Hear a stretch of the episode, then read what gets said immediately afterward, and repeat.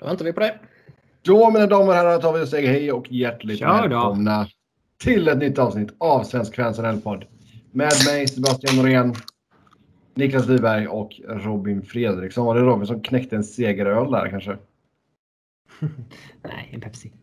Seger-Pepsi. okej. Jag gjorde misstaget och öppnade min öl innan vi började spela in.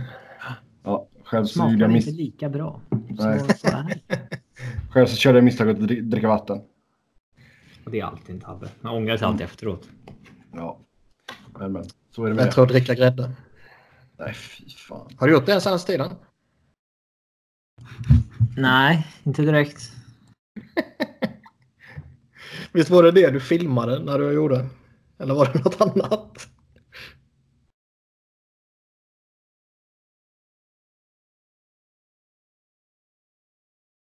Inget svar från Robin där.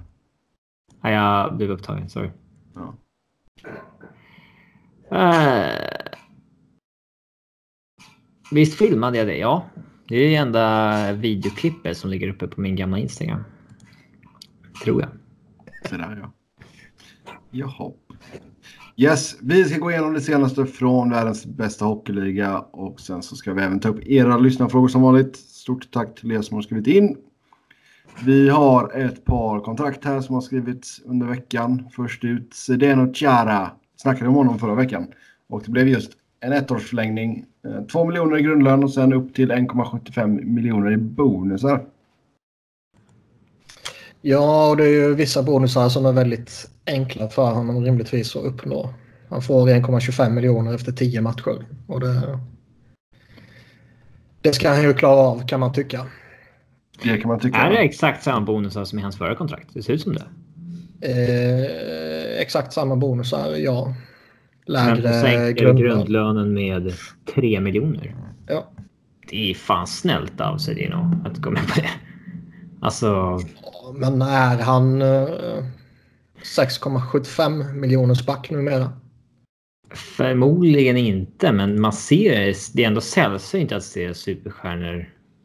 Alltså, Absolut. Ha, alltså Hall of Famers nivå.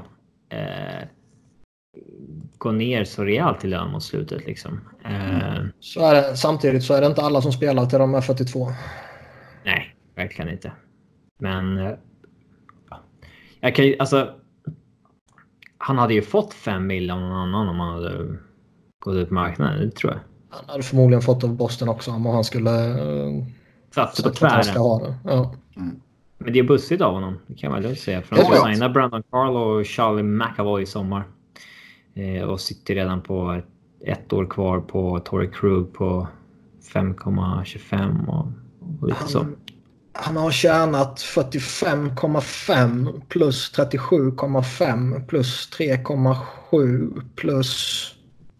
Man ser väl career earnings längst upp på Cap Friendly. Så att, ja, 95 Ja, det gör man. miljoner. 95 miljoner. Plus lite annat lull-lull tror jag. Han är ju Ja. sponsrad av McDonalds bland annat. Eller var förut. Okej, så då har han fått ungefär 100 000 dollar i, Big Macs också. Kanske. Mm. Ja, Niklas poäng är att han inte behöver kräva ut det sista. Nej. Men det är ju fan sällan så det funkar. Alltså det är ju... Nej, det är på ett sätt beundransvärt. Ja. Ja. Nej, jag tycker det är som sagt, det kan ju behövas som sagt när de skulle signa nytt med de spelarna som Niklas sa också. Så det är snällt av Chara helt enkelt. Eh, Detroit, Jimmy Howard, ett år, 4 miljoner i baslön och 1,1 miljoner i bonusar för honom. Känns det inte Också- lite förvånande med ett år ändå? Även om man Jo. är 35 nu. Både och kanske. Det kan ju vara nice att ha en getaway class om han ångrar sig liksom för att spela i Wings efter ett år till här. Och, eh, men det känns ändå lite märkligt kanske att, han går med på ett års kontrakt tycker jag. För hans status just nu är ju ganska hög. Mm. Eh, och vi ser ju sällan spelare signa ett år bara. Men han är fan äldre än man tror också, det ska man komma ihåg. Mm. Han, Han, var inte li- 45 han var inte lika snäll som Chara. Han går bara ner, vad går han ner? 1,3 miljoner capita. Eh, ja, men han, det där ja, 5,3 som han har tjänat, det har ju varit ganska mycket vissa säsonger på hans avtal.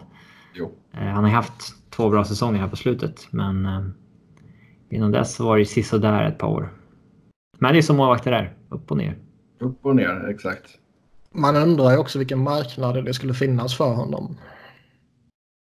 Ja, det är det som är... Eh, man får kanske uppdatera sig på hur många som faktiskt kommer söka målvakt i sommar. Eh, kanske Flyers. Kan, förmodligen Ävs. Um, Jo, men skulle inte han. Alltså, det kommer ju öppna sig några 1A, 1B jobb i alla fall. det Det borde säkert- göra det.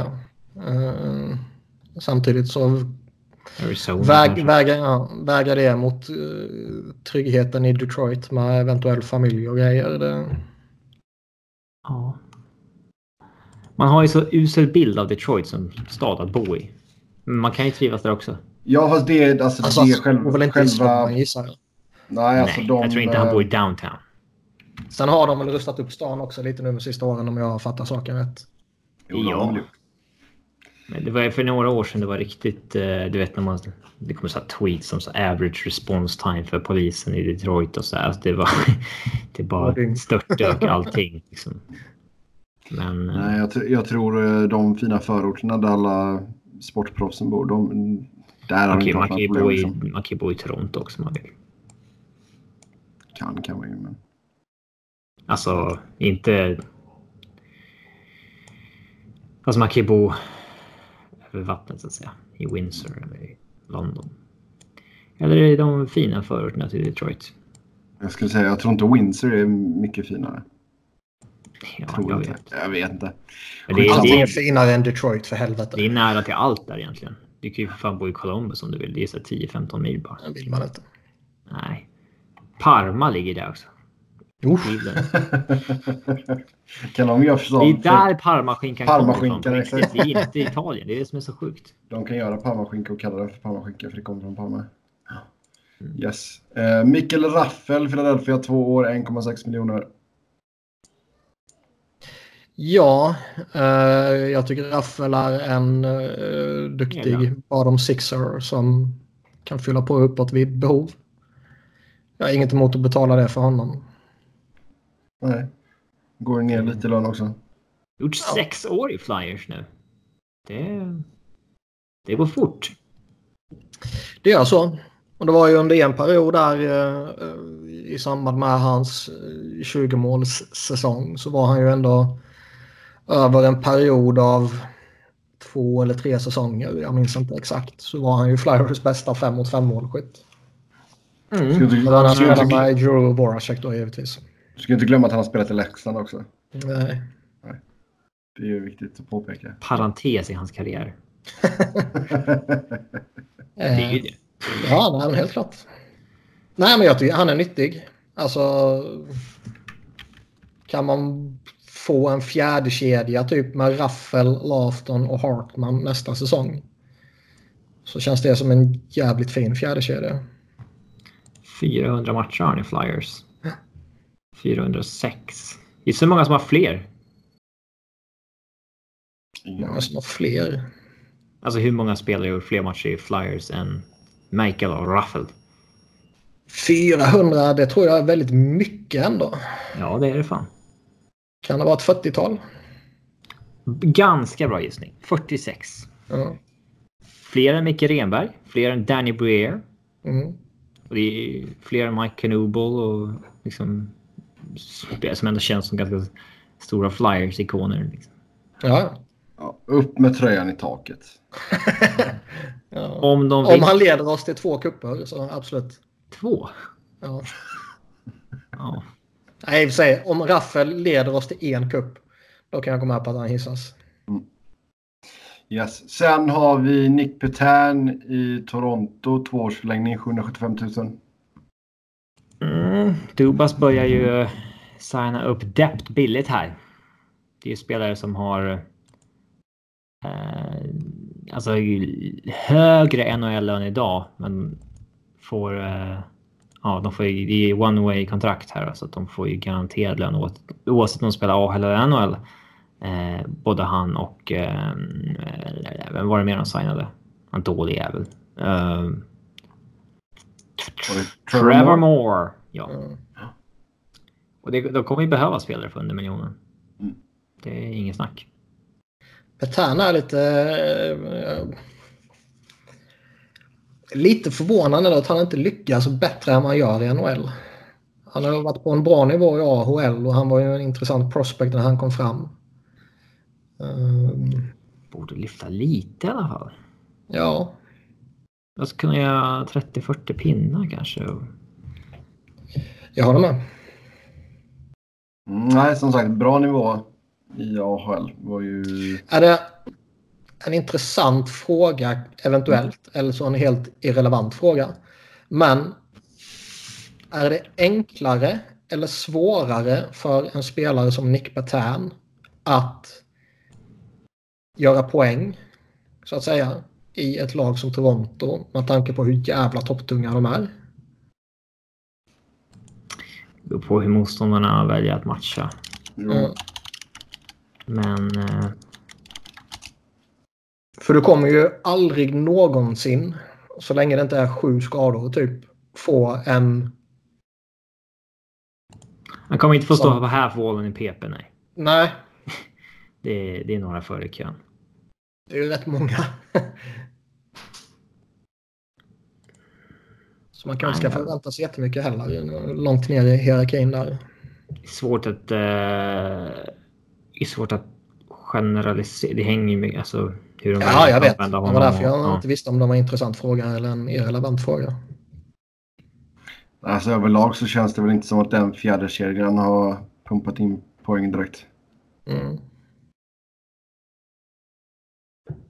Det är en bra topp 9 de sitter på alltså. Ja, de har ett rätt bra lag. Ja, ja. Mm. Sen så Adam Fox kommer inte signa med Carolina och eh, blir därmed free agent nästa sommar. Det har kommit lite nya... Ja, är detta konfirmerat? Eh, Nej, det har kommit lite nya uppgifter sen, eh, sen jag skickade ut körschemat igår kväll. Jag sitter på fel info flera källor sa att han har bestämt sig. Men sen dess ska Carolina ha sagt att eh, han i alla fall inte har meddelat dem. Nej, han ska i alla fall gå tillbaka till Harvard, Harvard och Mm. spela sitt fjärde år där. Ja, och han... Jag minns inte om det var innan vi började spela in, va? när vi snackade Fabro, har jag för mig. Mm. Att man kan bli free agent och välja och vraka var man vill gå.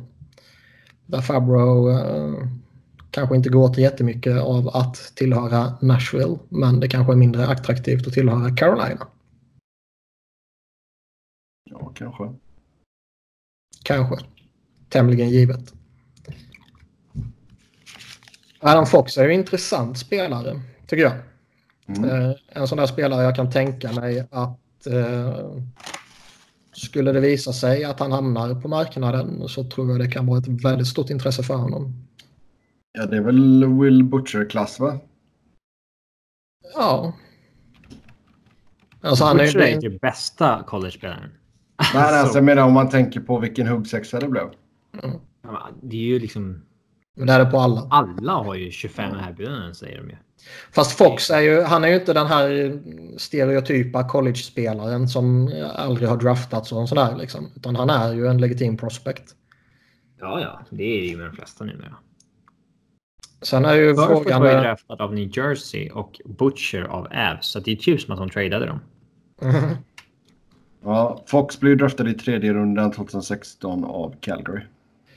Ja, och jag minns inte exakt hur det var, men jag har för mig att snacken gick att han inte var intresserad av att signa med Flames heller.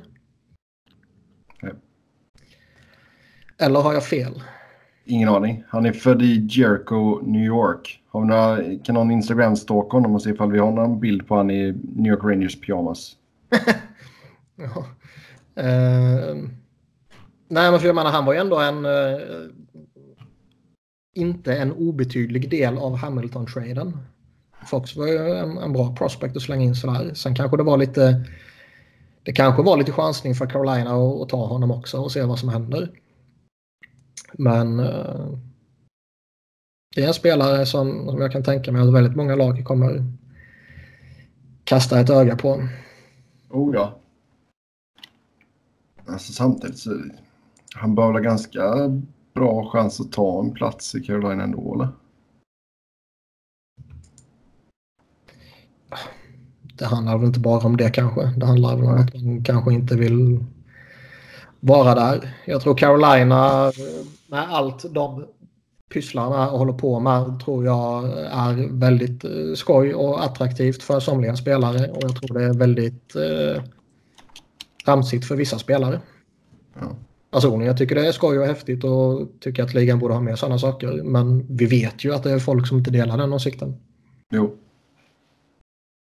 Mm. Man kanske inte vill gå till en sån pajasorganisation om man säger så.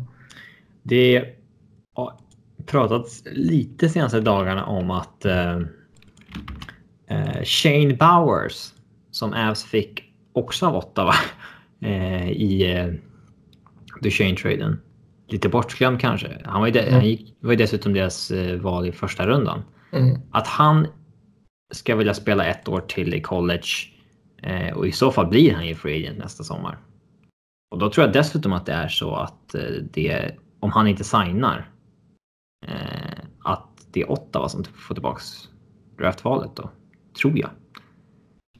För det var ju... Jag tror att det var så med Bleakley. Avs tradade ju honom. I, och sen så när han inte signades så fick Avs tillbaks ett draftval för honom. Men nu, för bara några minuter sedan, så kommer rapporter om att han eventuellt kommer signa med Avs. Trots allt. Mm. Men det är... Det, vad tycker man egentligen om det här med liksom... Alltså... Alltså college-spelarna som... Det är inte längre de här free agents utan det är ju spelare som är draftade men inte väljer att gå till de lagen. Det är väl ganska normalt att man utnyttjar de loopholen men det är ju lite muppigt när det är ett loophole vissa kan använda och vissa inte. Alltså Alltså, det Ska man börja prata om the college factor som man gjorde om ryska spelare för några år sedan? Att man inte signar spelare som går på college helt enkelt. Ja. Att man inte draftar dem.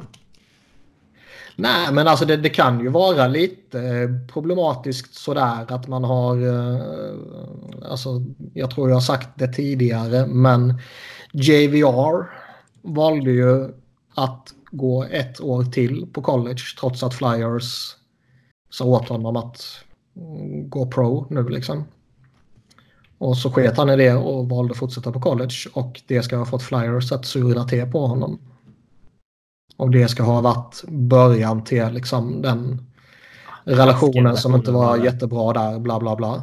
Eh, Om det nu ligger någonting i det eller om det bara är skitsnack, ingen jävla aning. Men Man vill ju inte att en kille man draftar nummer två overall det tar två år innan han spelar NHL. Det vill man ju inte generellt. Speciellt Nej, inte det vill man var- inte. När man Samtidigt var, så... eh, de var väl rövdåliga då också. Mm. Det vill man inte. Samtidigt så är det ju också... Jag kan ju personligen inte direkt anklaga en spelare för att vilja gå på college. Nej, verkligen inte. Det ser skitkul ut på film. ja, Men det, var- man tycker att det är lite så här, vad fan, de spelar ju typ så här 25-30 matcher om året. Det är alldeles för lite. Mm. ja, fast college är roligt. Jag tycker det när man ser eh, highlights-klipp från Cale McCarr så där som har gått två år på college. Och det pratas nästan om att han överväger att gå ett tredje år. Att liksom... Det är ju liksom det är för låg nivå för honom. Han har gjort... Han gjorde 34 matcher i fjol, 37 i år, gjorde 46 poäng i år och helt överdominant säger folk. Det är ju inte... Han är Nej, det är liksom överdominant och spelar få matcher. Eh, Det är klart det är problematiskt. Eh, Samtidigt så vill man ha en utbildning så är det ju det man har att välja på. Typ. Ingen går ju klart. Nej, men, Ja, Av dem alltså, de high profile spelarna. men man kommer nog en bra bit på vägen ändå och kan komplettera i efterhand och sådana här saker gissar jag. Ja, det kan man göra. Det är ju bara gå på distans. Ja, och eh, alltså lyckas du i NHL och du får en 15-årig karriär numera så kommer du ju vara ekonomiskt oberoende i flera generationer framåt. Men det är ju inte alla som gör det. Och då kanske, alltså, jag, jag, jag kan inte egentligen anklaga någon för att vill, vilja lägga en grund. Nej, nej, absolut inte. är Jag menar, och, och liksom ligan borde behöva vara bättre givetvis. jo. Jo, sen fan han går på en, ett sånt ställe som Harvard också. Liksom. Det ligger ju en del prestige i det också. Vem då? Adam Fox. Jaha. Eh, jag, vi glömde väl att säga förra veckan att Elvis har signat för Columbus också. Vi glömde säga att Elvis har dött tror jag du skulle säga. Ja. Nej, det var några år sedan. Lite, Men, eh. Men Elvis Merslikins, eller hur fan man uttalar hans efternamn, eh, signade med Columbus. Så det kanske är den långsiktiga eftersättaren till Bob. Det var som någon twittrade att mm, när Elvis blir plockad, alltså pullad, eh, på bortamatcher Alltså, vi får inte säga. Ja. så, så måste man säga ladies and gentlemen, Elvis has left the building. Ja. Mm. Nu får vi vänta och se när han ska enter the building också. Men han har ju gjort det jävligt bra ifrån sig i Schweiz under många år. Så det är ändå så intressant. Han har, Kekkalainen var väl ute och sa att han tyckte det var den bästa målvakten utanför NHL. Och det kan man väl förstå att han säger med tanke på att det är hans spelare. Ja, snart kommer han ju stå utan målvakt så han behöver ju hypa upp någon målvakt. Ja. Elvis eller Korpisalo.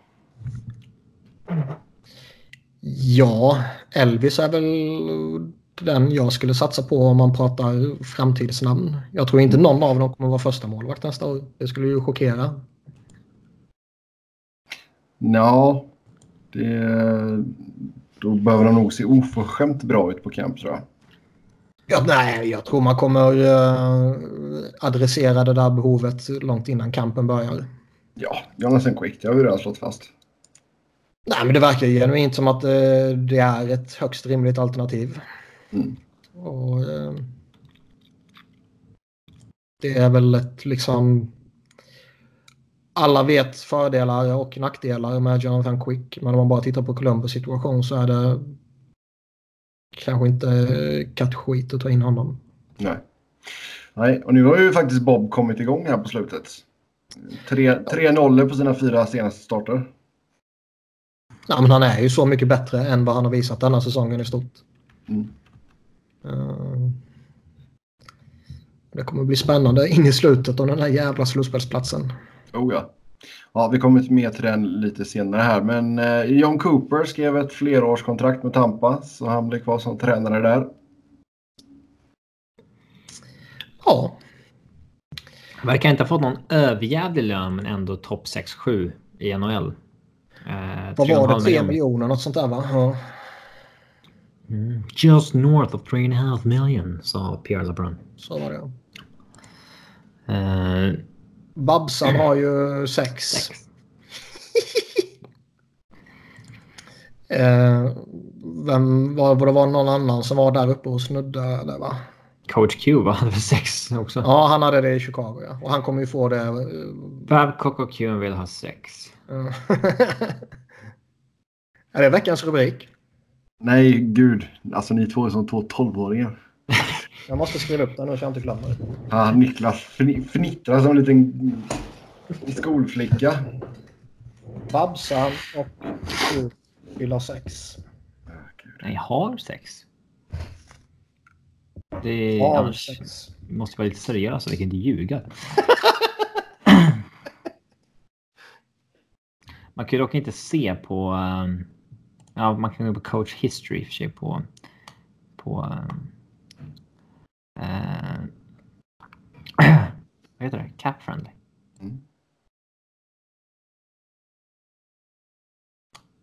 Men visst, det, det är väl inte konstigt att de förlänger med honom med tanke på hur bra det går och allt sånt där. Han verkar ju Absolut. omtyckt och allting. Så det gick väl ändå lite spekulationer eller rykten eller vad det nu var om honom. Att eh, det kanske inte var en självklarhet. Att man kanske avvaktar och ser vad som händer. Ja, men också att man inte ville ha någon osäkerhet över dem under slutspelet med det där. Nej. Det kan man haja. Ja, det kan man köpa. Däremot så ska framtiden... Alltså, jag tycker givetvis det är, Jag tycker han är jätteduktig. Förläng med hon, honom är ju bara positivt. Uh, däremot så vet man ju att skulle de inte gå att vinna nu så kommer de ju få en förlorarstämpel på sig jävligt hårt. Ja, nya Sharks. Ja. Mm. Framtiden för Phil Housley, Bo, Bo, Bob Boner, Boffner, Boner. Boner. Boner säger vi. Och Bruce Boudreau ska däremot vara osäker. Boudreau är ju faktiskt jävligt intressant. Mm. Uh, ska han missa slutspel för första gången? Ja. Han har ju också någon sån här klausul i sitt kontrakt. Han har ju ett år kvar på sitt kontrakt efter denna säsongen. Som sen inkluderar två års eh, konsulttjänst. Okej. Okay. okay. Vilket eh, låter jävligt diffust. Mm. Det är bara för att han ska kunna ligga på playen i två år och ändå få betalt. Nej, men liksom vad fan innebär det? innebär det att man eh, på något sätt löser så att han får eh, mer betalt? Liksom att det är en sån man kryper igenom något kryphål liksom. Kanske. Eh, eller är det många andra som har det? Jag har ingen aning. Det Bourgeois är första jag har hört det i samband med i alla fall. Alltså jag tycker knappast han kan klandras för om Minnesota missar slutspelet med några pinnar liksom. Det... Nej, de är ju ett bubbellag. Alltså de, ja. ingen, de har inte den truppen. Nej, och jag tycker snarare att han har... Jag tycker snarare att han har gjort ett bra jobb med att få ut max hur många spelare. Och det är en coach jag supergärna hade tagit till The Mighty Avs. Man undrar ju, det finns ju rätt naturliga kopplingar i Flyers också. Naturliga kopplingar till Boudreau? Med tanke på att Chuck Fletcher är där numera. Ja, i och för sig, som anställde honom. I... Uh. Mm. Ja, det är en ganska lång lista på lag som kommer leta coach i sommar, känns det som. Mm. Så i, i sommar kan det bli lite huggsexa kring coach Q bland annat. Ja. Vad säger vi om uh, Philly? Philly H? Phil Housley? Han måste ju bort. Alltså man följer, eh, när man följer Sabres supportrarna på Twitter så är de ju... Supportrar är dum i huvudet också, ska vi komma ihåg. Ja, ja förutom jag. Ja. Men de skriver ju... Det är ju som att de bara har kopierat Flyers-fansens tweets under Dave Hackstall. uh, nej, men det är ju exakt samma skit som pågår. Okej. Okay. Uh, eh, det vore jättebisarrt om han får fortsätta. Han verkar vara genuint pissdålig på alla sätt och vis. Uh, och det är liksom bara be Sabres-podden göra ett specialavsnitt där de bara ska klanka ner på Phil Housley så kommer det bli underhållande. Jag ska beordra Alex. För han, han, nej, han måste bort. Det är så mycket kaos och så mycket skit och så konstiga saker han gör. Och, usch. Det är verkligen Dave Hackstall-vibbar. Vad var det jag, jag, nu har jag glömt av, fan, jag, jag, är dålig på att spara tweets alltså. Men det var ju någon där som hade sagt att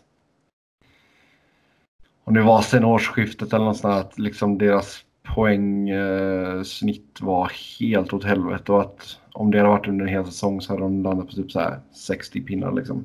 Ja, ja, alltså den här, de vann ju 10 raka matcher och den sviten har ju eh, målat över resterande säsong typ. Som är pissusel. Mm. Ja, och vad säger vi om The Boogeyman i Florida då? Ja. Man väntar och väntar och väntar på att Florida ska ta ett kliv och det händer inte ett skit. Nu ligger den där och bubblar i mitten igen. Liksom. Det händer varken slutspel aktuellt och toppval inte aktuellt. Och vad var det?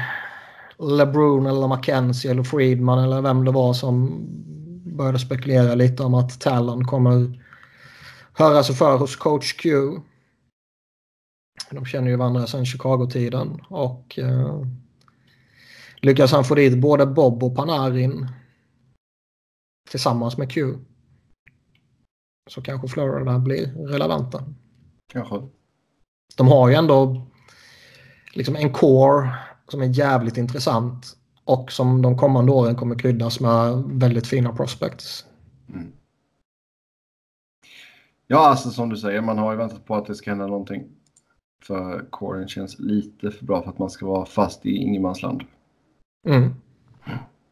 Yes, sen har vi Peter Chiarelli ska ha varit på besök hos St. Louis.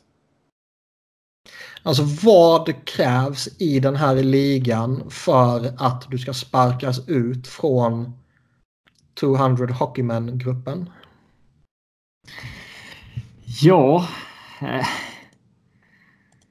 Du kan seriöst köra en organisation så djupt ner i skiten trots att de har kanske tidernas mest liksom, talangfulla spelare. Och man gör allting fel och ändå så har du möjlighet att få ett nytt jobb. Bara några månader efter du fått sparken. Liksom. ja, alltså, i slash jag har ju ändå försvarat det där lite grann. Att det ändå kan vara värt att ta in veteraner i organisationen. Alltså i alla fall ha där. Eh, Jag håller med dig till kontaktnät 100 och så vidare. Men det måste finnas någon gräns när man liksom är klippt. Att man har typ, gjort typ, typ som. Flyers gjorde. Man tog in Dean Lombardi. Han var Han jävligt var ju suspekt. ruggigt dåligt rykte där i slutet i Kings. Ja. Men jag tycker liksom ändå att... Misslyckandet med USA i World Cup. Ja, och det var liksom, fan ska man sitta och lyssna på han eller Hextall ta intryck från han? Det, det känns inte bra. Men jag tycker fan inte att det var lika illa som Chiarelli är. Shirley har ju dock... Det är ett, det är ett enormt misslyckande i, eh, i Edmonton. Och man ser ju annorlunda på hans tid i Boston nu. Man, man liksom uppmärksammar ju mer det han gjorde dåligt där. Eh, för att man... När det liksom började gå dåligt för Boston. Då tänkte man ju att Shirley ändå var en av de bra killarna som hade gjort ett bra jobb trots att han haft Don Sweeney och Jim Benning som höger och vänsterhand. Eh, men nu verkar han förmodligen ha varit den dummaste i trion.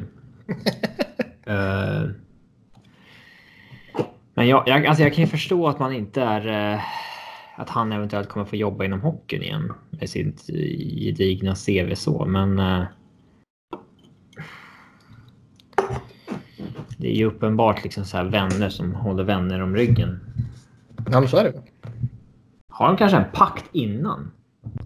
Att liksom om den av oss som får sparken ger den andra ett jobb. ja, det kan fan mycket väl vara så. Eh, det skulle inte förvåna mig ett Det dugg. säger ju en del att det det sades ju alltid att Shirley var sjukt populär bland andra GMs och det är inte bara för att han gav spelare. Alltså gjorde dåliga trades med dem. Det måste ju ändå varit för att han var alltså, omtyckt person så. Ja, han kanske är världens skönaste människa, vad vet jag. Ja.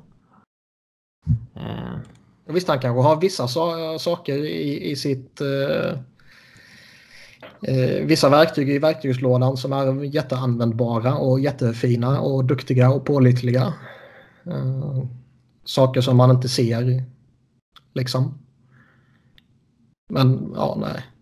Jag tycker bara liksom om, det han gjorde de senaste åren i Edmonton inte är tillräckligt för att man inte ska få chansen direkt. Det är badwill för organisationen att ta in honom också. Med tanke på hur alltså, dåligt rykte han har idag. Ja. Det är ju en extrem brist på att känna, känna av vibbarna ute liksom. Vi pratade Tavares och Islanders att eh, Islanders antingen sket i eller inte kände av liksom fansens känslor. Och tar man in Chiarelli nu så är det samma sak där. Men två helt olika saker givetvis. Mm. Ja, sen över till Edmonton. Och eh, Bob Nicholson som var ute och svingade mot Tobias Rieder. Eh, han, ska vi se vad han sa här. Det var hans fel. Ja, vänta, vänta, vänta. Inte är i slutspel. Ja, Tobias Ja, Rieder har inte gjort några mål. Tobias Rieder har missat så många frilägen. Om Toby Rieder hade gjort 12-14 mål så hade vi förmodligen varit i slutspel. Jag läste någonstans och jag har själv inte kollat upp det så jag vet inte om det är rätt. Men jag läste att han hade haft typ tre stycken breakaways. Och Ja, jag vet inte. Nicholson liksom får det att låta som att han har missat 25. Jo, Ska dock sägas här att Nicholson, alltså det, det, där han går över gränsen det är att han säger att eh, vi hade förmodligen varit i slutspel om han hade gjort sina 10-15 mål. Ja. Det, Det är ju förmodligen att skit. säga att han är en stor besvikelse för att han gjorde noll mål i år, det är ju inte kontroversiellt. Nej, nej. Eh, och man ska komma ihåg att han säger det här på ett sånt här, vad säger man liksom? Eh, Season season ticket ticket, ho- holders. Eh, Ja. Möte. Breakfast. Där får man ju vara lite mer ofiltrerad. Alltså det, det tycker jag ändå man ska vara. Ja. Jo, men här går man ju ändå över gränsen. Ja, han går över gränsen när han säger att de förmodligen hade varit slutspel om han hade gjort 10-12 mål. Och Trots att han sa- har rätt i det. Ja, Sen- det, det sen där sa är han ju redan då att att, de- han, eh, att han går över gränsen och säger det. Utan problemet är att han faktiskt tror det. Ja. Och det är det som slipper ut. Att oj, det borde jag inte ha sagt. Inte att oj, jag tror ju faktiskt inte det. Utan det är ju att han säger det och verkar tro det. För då är ju hockeykunnandet i det front officet på eh, ledande positioner inte tresiffrigt. Nej, alltså... ja. Nej, han, eh, han, sa, han avslöjade också där att de kommer inte att signa honom och det visst, det förstår man. Åh fan! Ja, jo. Men eh, ja, det var väl inte... Ja, som sagt, problemet är att han tror att det, det är det som är problemet. Jag tycker det, det är liksom konstigt. Jag håller med lite det Robin säger. Att det är en sån här eh, fansmöte eller vad man ska kalla det. Och eh, visst, det kan vara en liten annan jargong och man behöver kanske vara lite öppnare där. Och förmodligen så har han... Hela syftet med den. Ja, Alltså liksom att förmodligen har han nog pressats jävligt hårt av folk på plats också. ja, Eh, men man måste ju också vara medveten om att säga, saker du säger där kommer ju inte stanna inom de fyra väggarna. Nej, exakt. Eh, och med tanke på var Edmonton befinner sig nu när de söker en ny GM. De kanske behöver söka sig efter en ny coach. De kommer förmodligen söka eh, efter flera nya spelare både via trade och, och free agency och så här. Då kan man inte som högsta chefen sitta och, och säga sådana saker. Mm.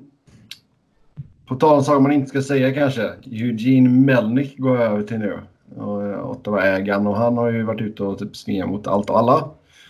Han, Kan inte eh, låta Nicholson stå ensam i uh, Nej, nej, nej. Det går inte. strålkastarljuset. Nej. Han har gått...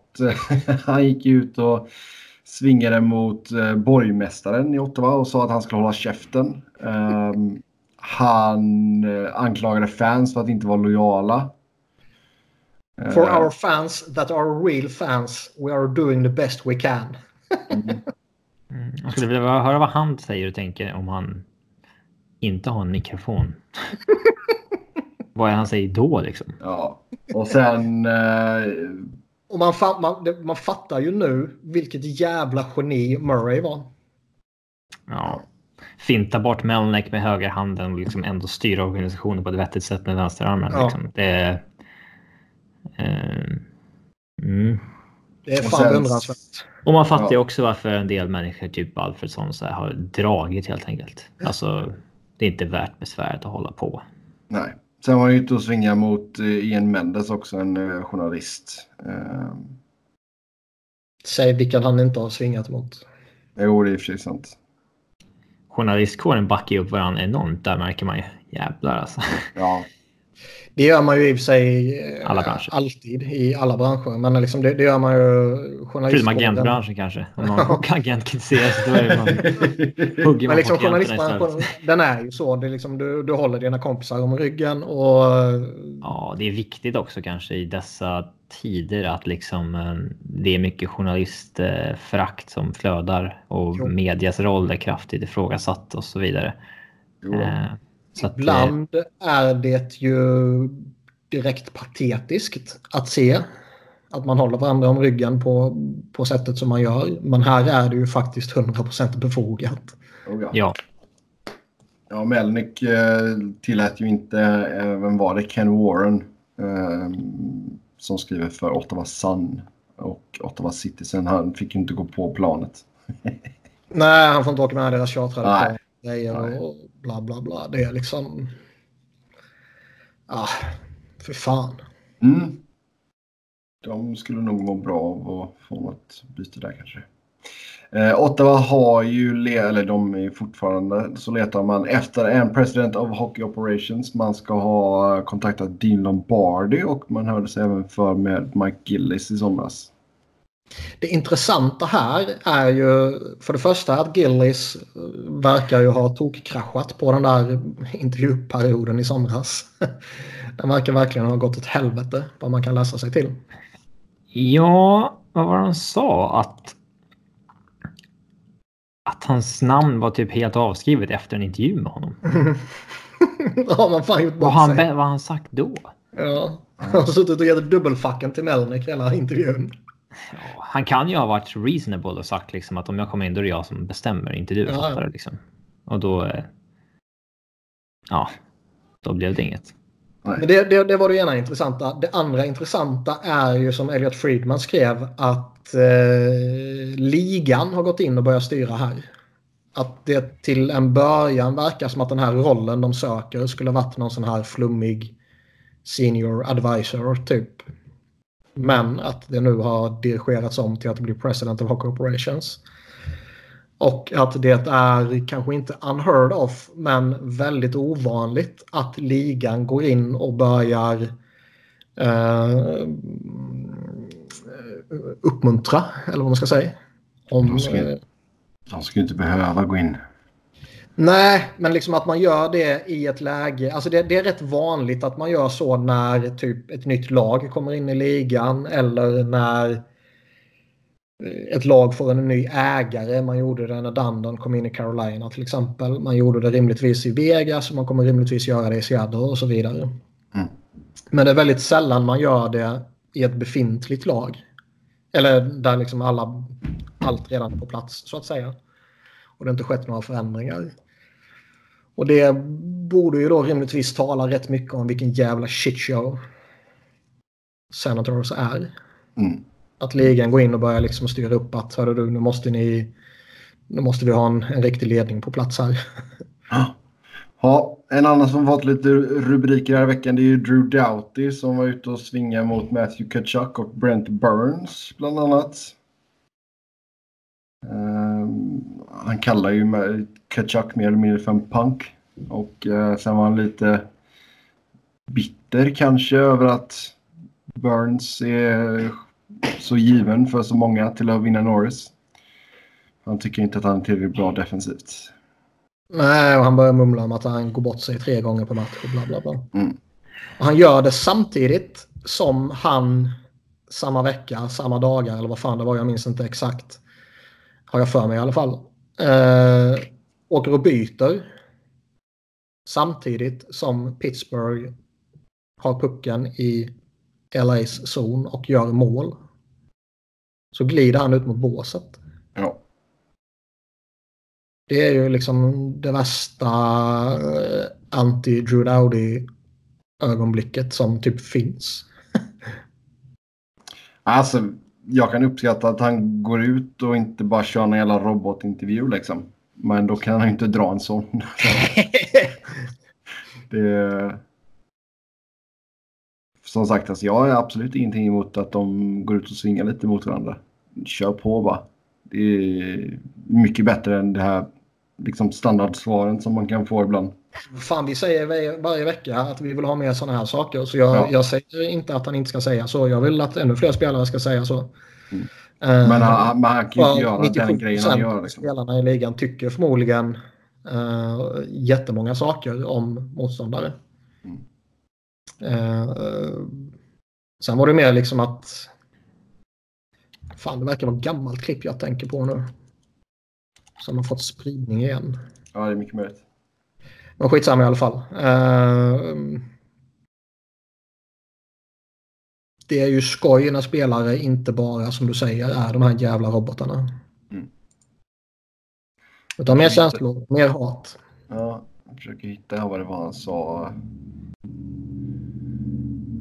Ja, han sa att han... eh, Ja, just om Kachuk. Att han, han har inte någon respekt för honom. Ingen, ingen alls. Jag respekterar alla andra. Men inte honom. Nej, Och men han är väl en att- lättavskydd spelare. Ja, ja, ja, tydligen så är det inte många som respekterar Kachuk. Eh, Nej. Så.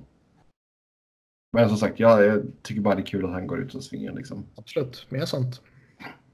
Sen är det många som hoppar på ändå att ja, men kolla på hur, hur du... eh, Det var ju någon som drog upp hans plus minus såklart. Ja, ja. Eh, och sådär, men... Alltså, LA har ju varit en sån jävla... Shit show. Ja, Titanic rätt året liksom. Så det, Mycket fint att se. och det är ju inte Drew Doughtys fel. Du bara titta på hans plus minus så ser du att det är hans fel. Ja, exakt. Så, eh, ja. Men som sagt, det är kul att det lite grejer. sjukt att det fortfarande finns folk som liksom ser plus minus statistik som liksom en, ett så här slutgiltigt bevis på att någon är när det är liksom så enormt bevisat att Drew Doughty är ju inte sämre i år när, än vad han var när han hade 30 plus liksom. Utan det handlar ju om vilket lag man spelar i och hur mycket man spelar där. Nej, plus minus är en jävla skräpstatistik givetvis. Och i, framförallt för att han räknar med mål som inte är 5 mot 5. Mm. Det är det som är det huvudsakliga. Tombur och så vidare. Och det fuckar ju upp en del och missleder eh, resultatet. Oh, bra. Mm. Sen Andrew Ladd, eh, New York Islanders borta fem månader på grund av knäskada. Så hans säsong är körd. Ja, eh, han har ju haft det lite tungt. Oh ja. Och eh, börjar komma upp lite i åren och det där kontraktet börjar se lika dåligt ut som alla utom Islanders visste att det skulle börja göra relativt omgående. Mm, fyra år kvar på 5,5. Mm. Och han stannade på 26 spelade matcher, 11 poäng, 3 mål, 8 assist. Ja. Fast han gjorde 5 poäng på två matcher i Bridgeport. ja, det ska han väl klara av. Den ska man inte skoja bort. Jo. Nej då, men det är alltid, vi vill ju aldrig att någon ska bli skadad men det är surt för honom och surt för Islanders såklart. Sen John Tavares ska först ha bett om ett ettårskontrakt av Toronto och då vill han ha 15 miljoner dollar. När det pratades om det här i somras, Mm. då sköts väl det ner från insiderna? Alltså så här, då kändes det som att det här var liksom ett typ ett fan suggestion, ett år 15 miljoner och det sköts ner från eh, liksom reportrarna med insyn. Har jag fel eller var det inte så? Jag har också den eh, minnesbilden. Men jag kommer också ihåg, jag tror det var Frank Saravelli som gjorde en eh, rätt grundläggande artikel om, eh, om den möjligheten. Liksom.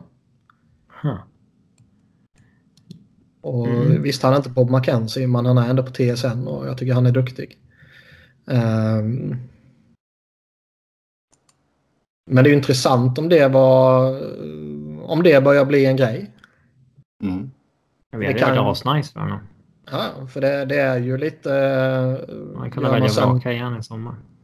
Ja, säg att det blir total skit i Toronto. Han trivs inte och bla bla bla. Ja, då sticker man någon annanstans och har man tjänat fem. Framförallt när han har fått 15 ill i år. Ja, Ehm, det kan ju också vara en möjlighet för om man gör gentleman's agreement att signa det här jättedyra året här när vi har jättefin med cap space och sen efterföljande år så ja, då får du ta ett lite billigare kontrakt. För vi har, Ja, att man, man bestämmer sig över ett åttaårskontrakt egentligen, men att vi skriver det nästa om två år. mm, Men då har vi fan skakat hand på att det är det avtalet som gäller. ja. Så kan det vara. Men säg att han hade tagit 15 ett år här nu då. Skulle han fortfarande få 11 på nästa? Eller tror ni Ja. att man hade kunnat få ner det lite då? Han är nog väl 11 på nästa. Han är ju inte, han är ju inte en svag säsong direkt. Nej, nej, absolut inte. Det fan var det. Jag tror han var de, delad tionde plats här nu över bästa målsäsongen någonsin för en eh, livsspelare. Ja, det är Kan ju säkert klättra några placeringar där också. 45 baljer. Mm. Jag tror 54 var rekordet om jag inte har helt fel. Det kan det vara. Mm. Kan kollas upp. Ja. Men visst, det är... 54 är rekordet va? Ja. Rick Wave. Från Mm. säsongen 81-82. Sådär ja. Yes, då tar vi och tar en titt på tabellen och slutspels... Innan vi går in på det. Innan vi går in på det så ska vi... Bobby Lou. Just det, så ska vi snacka Bobby Lou. Det har du helt rätt i. Inte för att det är så jätteintressant att han eh, att hans framtid är lite eh, flummig och man vet inte riktigt vad som händer och han vill inte bli bortbytt för han har familjen där och bla bla bla. Det Men de potentiella cap-grejerna. Exakt. Och eh, skulle han sluta så får Vancouver 2,8 miljoner i tre säsonger och Florida får 1,2. Det är liksom hanterbart. Eh, och sen så kan man alltid ta in long term injury reserve och sådana här bla bla. Men det är ju inte bara att börja göra det. Det finns ju andra parametrar som kan ställa till det. Liksom. Eh, det finns också risken om man gör det, för han ska ju klara av en läkarundersökning, en stående läkarundersökning. Som här att om han då friskförklaras så, ja, så hamnar man där igen. Liksom. Ja, visst.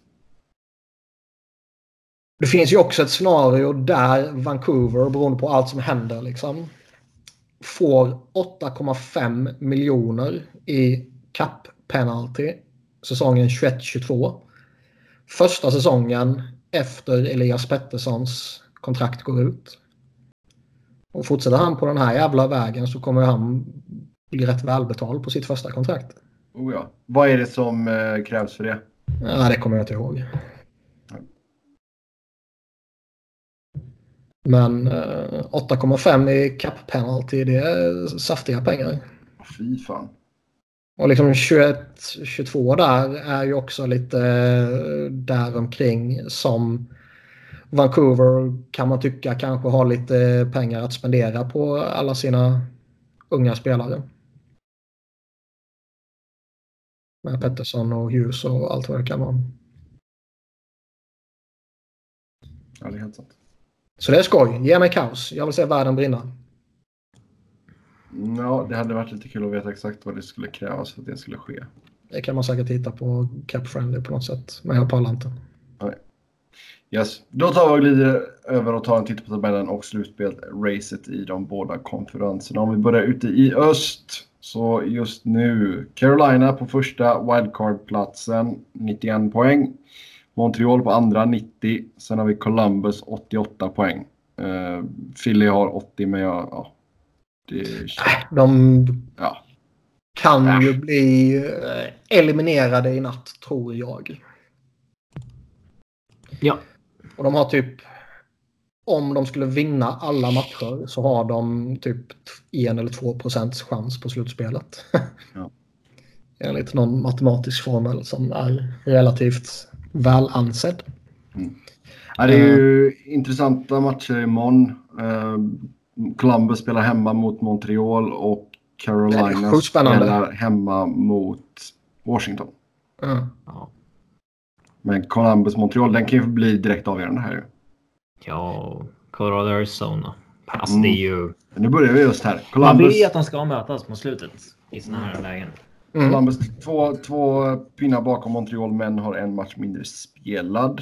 Eh, Så ja, det kan bli oerhört intressant.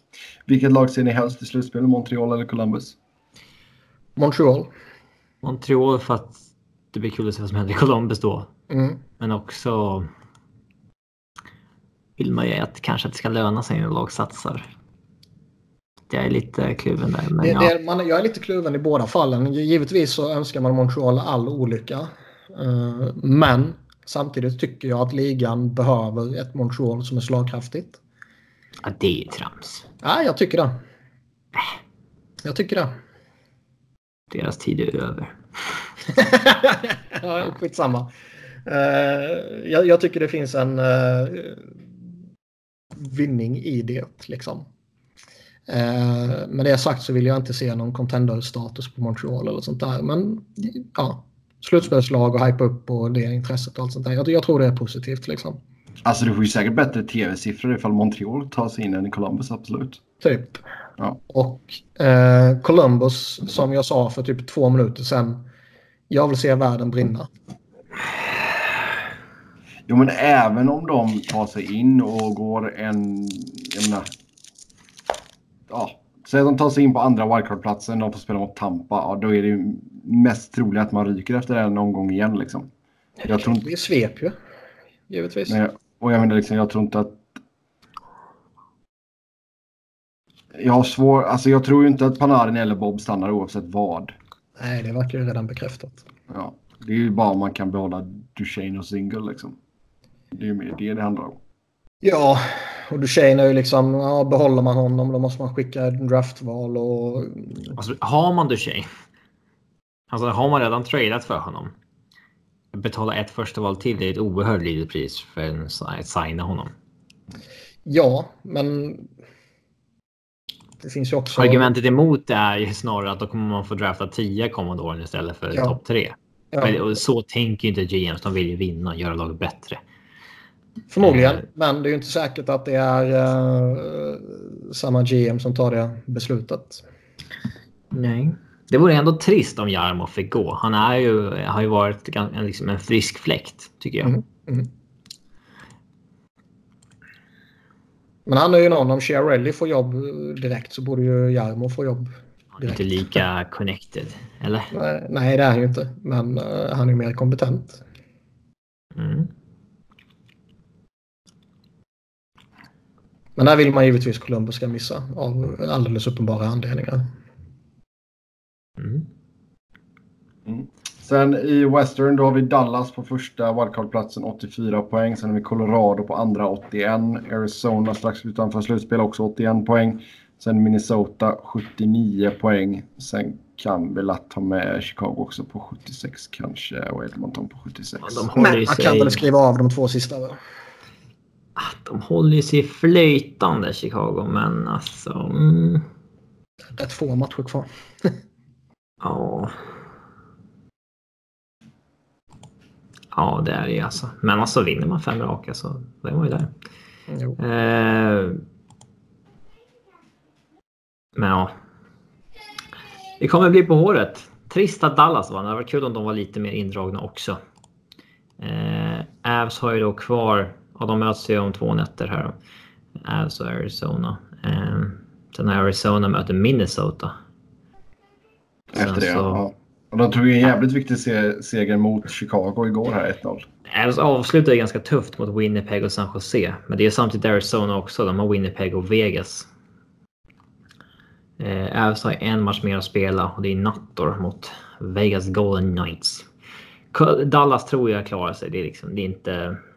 De har flest games in hand och de eh, möter lag som inte är bra lag. Eh, de borde klara sig. Men eh, sista villkortet där.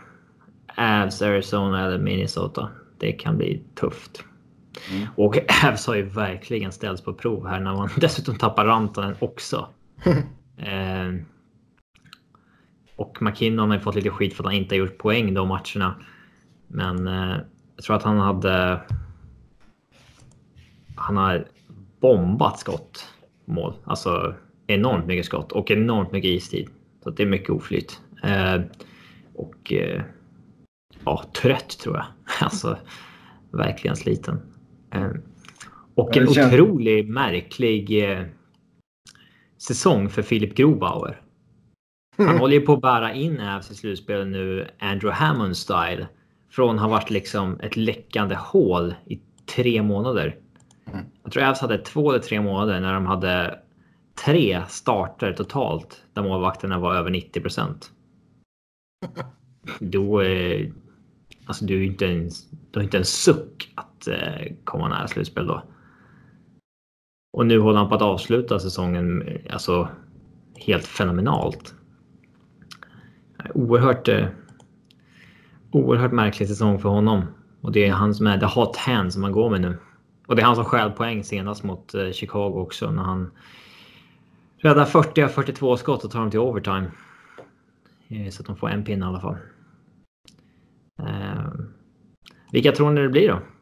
Arizona är inte heta, det kan man ju inte säga. Nej, det är de ju inte.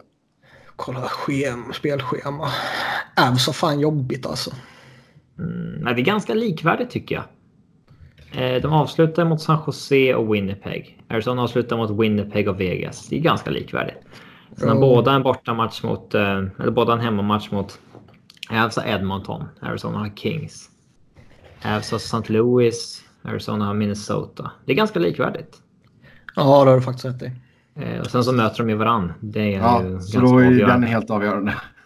Eh, ja, kanske. Och Avs sitter ju i dagsläget på tiebreaken. Man vill väl att Minnesota ska missa i alla fall. För att se vad 15 gör. Så de har ju droppat av lite här nu det sista också. Vad är det? 3-6-1 senaste 10. Ja, Ja, de har nej, Vegas, ge- Arizona, ge Winnipeg, Arizona. Boston och Dallas. Men... Äh, det vore ju guld att se vad han hittar på om han ska spränga det där laget liksom. Ja. Sparka på Joe och spränger laget. Fan vad skoj. Nej, ge, mig, ge mig Arizona.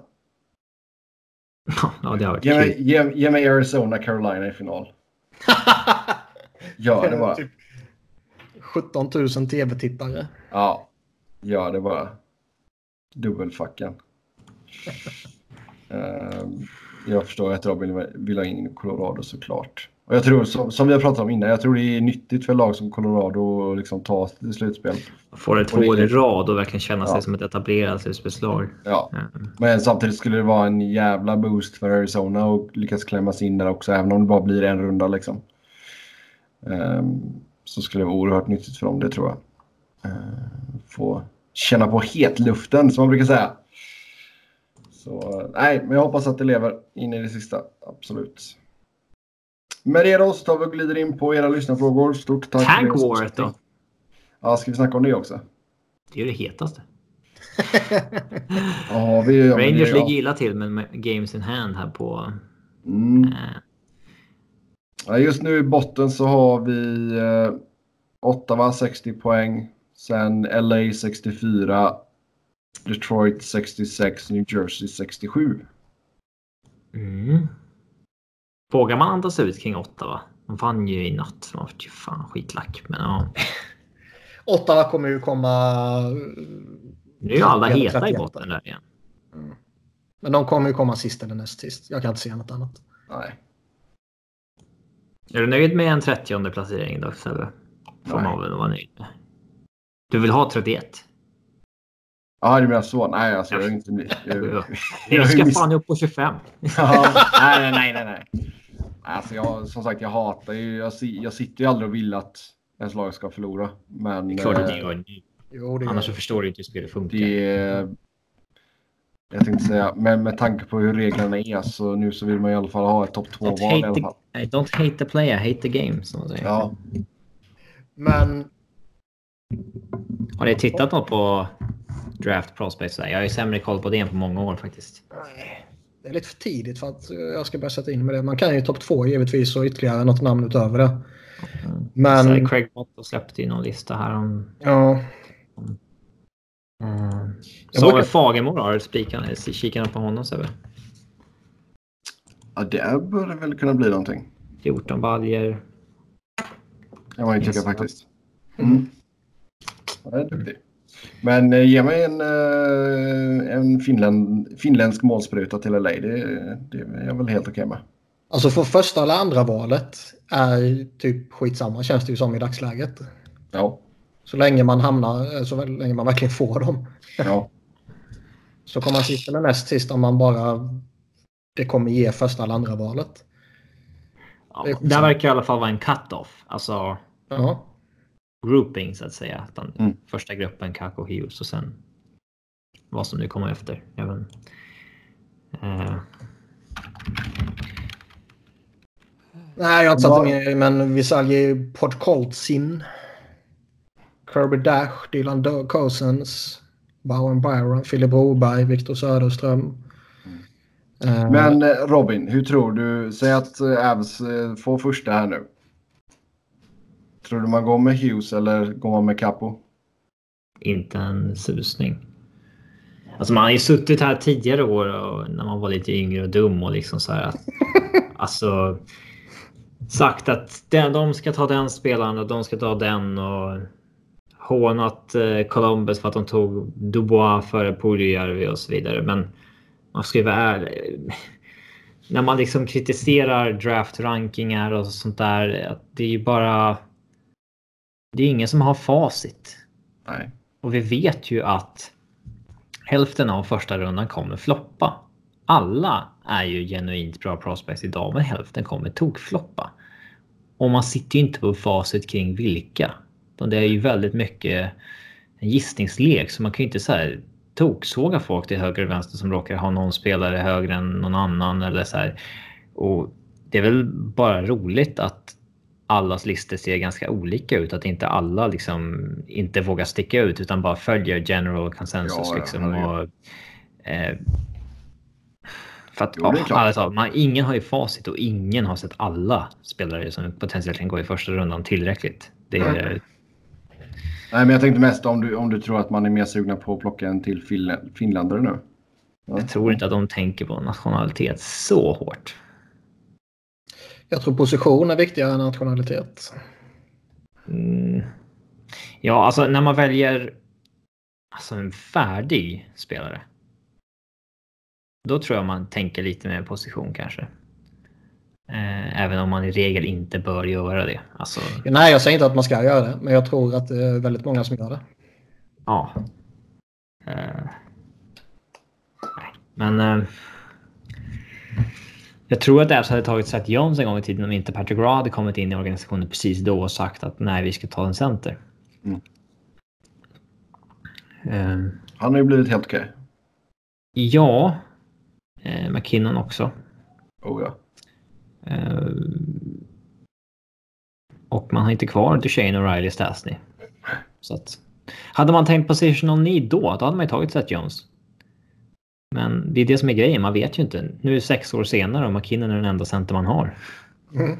Så att positional need ska man inte tänka på alls egentligen. Men eh, jag har inte en susning om vem jag skulle vilja ha av Kako och Hughes. Jag tycker det är dödslopp. Mm. Jag tror Hughes Yes. kommer ha ett litet, litet övertag för han är center. Jag tror att det är eh, en faktor. Mm, mycket möjligt. Jag gillar Tobias Björnfot i Djurgården som verkar gå eh, andra halvan av första rundan i alla fall. Mm. Hampus Lindholm-vibbar. Barefoot. Ja, första lyssnarfrågan här då. Lägg fram en pitch för alla playoff för alla playofflag. Varför man ska hoppa på deras bandwagon. Alltså vara positiv till bland annat Islanders, Pittsburgh, Carolina och så vidare. Ja, Niklas, det här kommer ju ont i din själ. Eh, ja, jag måste fixa en grej här bara. Den tajmingen. Uh, ja, hoppa på. Nej, men på riktigt, jag, jag måste göra en Ja, grej. ja, ja. Ja, Men men, eh, alltså... Ska du och jag börja ute i West då eller? Ja, Ja. ska jag säga en anledning till att de ska kolla på dem helt enkelt? Ja, varför man ska Eller hålla på, på ja, varför man ska hålla på dem. Vi kan börja i toppen av Central, Winnipeg. Så Winnipeg? Jobbar, jobbar vi oss neråt. Ja. Winnipeg. Spelar överlag ganska rolig hockey. Ja, kan man väl säga att de gör. Eh, Scheifele är en fantastisk spelare att kolla på. Nikola Ehlers är en av ligans bättre neutral zone players. Eh, Blake Wheeler också. Otroligt bra spelare. Det är kul att kolla på Patrik Laine. Försöka få en klar uppfattning om vad man faktiskt tror om honom. Mm. Eh, det är alltid intressant att se Dustin Bufflin också. Nu är han ju på injured reserve. Jag vet inte hur hans status är exakt, men... eh, Ja, fyller inte han år idag? Ja, okej. Grattis då. Jag. Men eh, ha för dig. Hur kan du ha för dig det? Vem har koll jag, på det? jag, jag, jag tyckte jag såg en födelsedagstårta på Twitter. Jo, det Det var det inte 27 mars. 27? Ja. Ja, visst. 34 år gammal. Så det är väl någonstans kanske det. Det går inte direkt upp för i uh, utvecklingen för honom om man säger så. Det här kan ju vara hans sista riktigt bra säsong. Ja, det kan det. Mm. Sen har vi Nashville. Det är helt enkelt ett genuint eh, bra hockeylag. Många svenskar som är heta. Folk gillar ju det. Mm. Eh. Wayne Simons. Nu är jag med. Bra balans mellan offensiv och defensiv tycker jag. Eh, cool veteranmålvakt, Pekarinne. Eh, det känns ju som att det är dags för första kuppen också. Alltså liksom det, det är den vibben kring hela laget. Eh, sen har de väl inte fått ut max av liksom Johansson och Turry så de har väl lite lite hål som alla andra men eh, Det finns bara en anledning att hoppa på deras bandwagon. Det är Wayne Simmons. Jag trodde du skulle säga det här barbecue-stället istället. Ja, det är också. Martins Barbecue. Ja. Det finns två anledningar. Wayne Simmons och Martins Barbecue. Det är två fina saker i mitt liv. ja, jag har ingen direkt eh, kärlek till Wayne Simmons så. Det kan jag förstå. Eh, Jag kanske säger det med vissa Flyers ögon. Jag uppskattar Wayne Simmons. Uppskatta Wayne Simmons. Men Robin är en jävla hater. Ja, sen har vi St. Louis. Alltså, De har ju gjort en sjuk jävla upphämtning som fan är beundransvärd. Mm. Men det var lättare än det sades liksom. Mm. Det tog ju så här två månader så var de ju från, Mm. från botten till toppen. Ja. Men det är väl typ det mest uppenbara där. Toppen i Pacific, har vi Calgary. Eh, en ung häftig core som är jävligt spännande att se på. Med Mm. Kachak och Draw, eh, Monahan. Eh, de känns fräscha liksom. Drew Dowdy hatar dem. Det är allt jag behöver. Och det är alltid det är lite kul när kanadensiska lag går långt i slutspel. Det är, Jag, annan, t- jag tänkte väl säga det. Det är väl någon, ifall någon har lite förkärlek till just kanadensiskt. det är lite hype då liksom. Ja, sen har vi San Jose. Så var det kul om en Giordano vinner en cup också. Roligare om Thornton vinner en cup. Ja. Max Roligare om ju- 37 ro- år fyllda för Ro, roligare om Joe Thornton avgör Game 7 med fyra mål. Måste, då Herrejävlar! måste han hala fram den och sen bara vandra in i solnedgången. Ja. Vi hör aldrig ser honom igen. Vi, han dyker inte upp på någon parade eller liksom någonting. Utan han åker bara ut till en cabin i skogen liksom, och tänker Ja. aldrig mer på hockey. Utan nu är jag klar. Skägget bara växer liksom. Och, Han har ingenting att spendera sina 107 miljoner dollar han har tjänat. nej. Ja. Nej men det är ju eh. Det är ju, Alltså, vad fan. Ja, du för- ingen... för San Jose. Nej. Eh, Vegas. Det är väl bara om man är kvar sen förra året typ. Det är ju fortfarande lite coolt att man kommer som, som nytt lag och, och bara kör som man gjorde förra året och faktiskt bibehåller det och boostar upp laget som man ändå har gjort med lite rekryteringar. Mm. Plockat in en helt ny topp 6-kedja som är tre jävligt bra spelare liksom.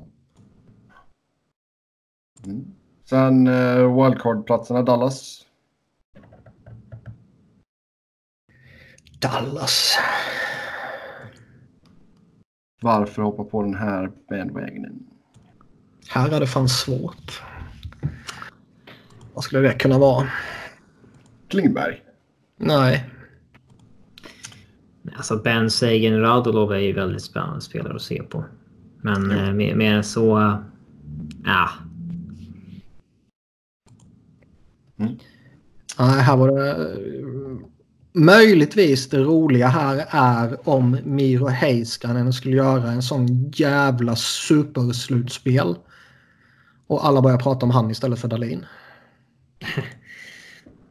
Det kan man ja. hoppas lite på. Ja. Men, eh, men de, de, skulle ju kunna vara en joker. Dark Horses slutspel. De har ju den spetsen och sen så får de väl in en Zuccarello snart. Så att de har väl många bandwagons från Norge och New York. Eh. Mm. Ja, ja, det är sant. Ja, och sen eh, Colorado. Ja. Eh, alltså ungt lag på uppgång liksom. Eh. Alltså man kan ju inte hitta något skoj förutom deras första kedja. Robin kan säkert göra det, så det är inte så jag menar. Avs-supportrar kan säkert göra det. Men som utomstående... har ju bandwagon-perspektivet på det. Ja. Men som utomstående så det är ju bara första kedjan man kan hitta där. Liksom. Mm. Eller någon enskild. Eisenberg är underskattad också. Det är... Han är duktig han är och det finns andra uh, attraktiva spelare sådär liksom. Men det är ju första kedjan. Mm. Det är kul att se lag som stackar upp en kedja. Mm. Ja. Nu är ju både Rantanen och Landskog skadade dock. Det sägs att Landskog han tränar i någon contact jersey nu så att det kan vara så att han slängs in mot Arizona. Eh, vi får se. Ja, men det sa vi väl förra veckan att det kanske skulle bli att han gör några matcher om det, krä- om det behövs. Ser hur fräsch han är då dock. Men... Ja, jo det är sant. Jag säger att Rantanen är day to day, men när jag ska spela nästa match är det nej. Mm. Ja, eh, vi tar inte med Arizona i och med att de inte är på slutspelsplats just nu. Nej, och det finns ingenting att säga heller. Över till Eastern. Då har vi regerande mästarna Washington först. Ja. Eh, De slutade vara coola förra året. Njut av Ovechkin så länge han eh, fortfarande spelar. Typ. Ja. Men... Eh, eh, alltså de har ju redan fått vinna sin cup så de är inte jätteheta på att eh, de ska vinna igen. Nej. Då har vi Pittsburgh. Niklas, jag vill höra en lång utläggning här nu. Då kommer du bli besviken. Det finns absolut ingenting här man skulle kunna argumentera för en three-peat. Three-peat? Alltså tre, tre raka kupper. Mm. Eh, det skulle man kunna argumentera för. För det skulle ju faktiskt vara genuint eh, superimponerande. Men nu vann, vann de ju inte i fjol. Nej, det vet jag. Men jag menar liksom att man skulle kunna göra det förra året. Mm. Uh, Tre på fyra är inte jättedåligt heller. Är det verkligen? Då är det en Dynasty. Men, det finns absolut ingenting. Gillar man eh, arbetarstad så hoppa på Pittsburgh. hoppa på Pittsburgh för att det är en arbetarstad. Ja. Satan vad, vad svagt. Ja, det är mycket möjligt ska heja man, på här många alltså, miljonärerna Crosby och Malkin för att Pittsburgh ja. är en arbetarstad. Man kan, man kan gilla Phil Kessel också. Mm. Man, ja, man, man Kessel hade så att man uh, hoppar på en bandwagon med Pittsburgh. Mannen som trotsar alla naturlagar. Ja. Uh, New York Islanders. Det, det hade varit oerhört kul om de vann efter att Tavares lämnade. Mm. Alltså det... Sånt är ju kul. Det har man ju uppskattat ända sedan Michael Owen lämnat Liverpool och Liverpool vann Champions League året efter. ja. Men sådana ja, scenarion är kul. Någon skriker för att, att ah, nu är jag jävla trött på den här Underhållande. Och så blir det pannkaka. Mm. Yes, sen Tampa Bay. Det är väl det bästa och häftigaste laget i modern tid. Ja. Som har typ 17 stycken jävligt roliga spelare.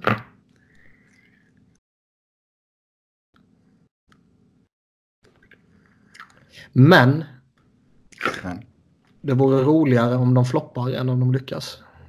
klart du tycker. Nej, som sagt, jag... Ju mer folk som blir hockeyfans desto bättre tycker jag. Sen kanske det är tråkigt om alla bara, ja ah, men nu är det här laget bäst, då börjar jag heja på dem. Nej, men alltså... Det finns ju någon form av glädje också om det genuint bästa laget vinner. Ja, så är det ju. Ja. Mm. Det håller jag med om. Sen att eh, liksom nya fans faller för de bra lagen. Det Ja, det förstår man ju. ter sig ju tämligen naturligt. Ja. Mm. Ja, sen har vi Boston. Eh, För typ några dagar sedan skulle man kunna säga att Sten och Chara får lyfta bucklan och, och rida in i solnedgången. Men det har jag ju förstört själv nu så därför kommer vi inte säga någonting. Nej. Då går vi till Toronto. Fan vad gött att du lyder mig. Alltså, det. Boston var ja visst gillar man Brad Marchand. Han är ju... ja, ligans bästa och värsta trashtalker. Ja. Han kan nog hitta på något skoj i slutspel. Nej, David Pasternak är ju jävligt kul att se men det är inte... Bruins har ju alltid varit ett kul slutspelslag på något sätt också. Ja, Ja, det. kan nog eh, bli en bra serie där mellan dem och Toronto. Ah, den kan bli underbar fan. Mm, varför ska man hoppa på Torontos bandwagon här? För man kommer nog inte vara ensam. Nej.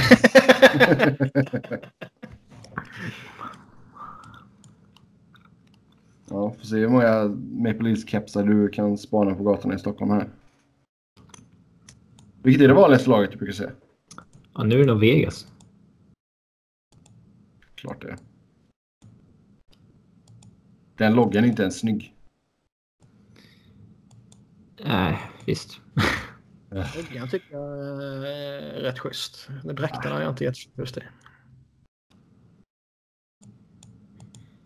Men det man ska ha anledning till att man ska hoppas för att Toronto ska gå bra och sådär. Det är ju för att eh, alla deras eh, kontrakt som ännu inte är signade ska bli svindyra.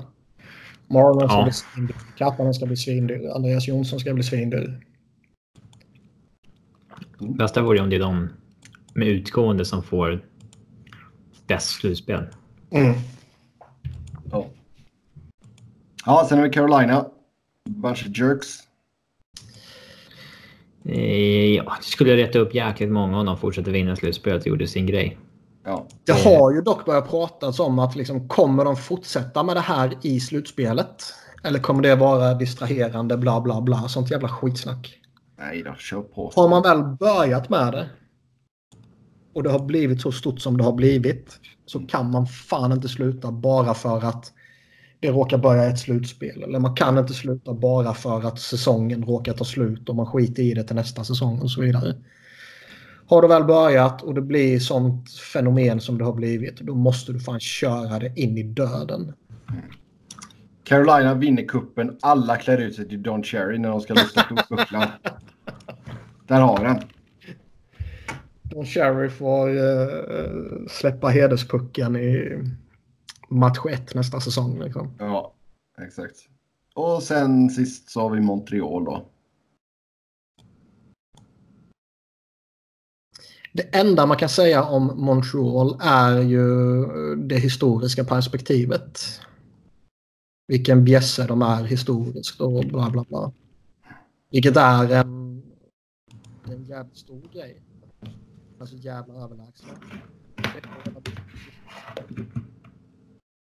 Tanke på att de inte har vunnit sen.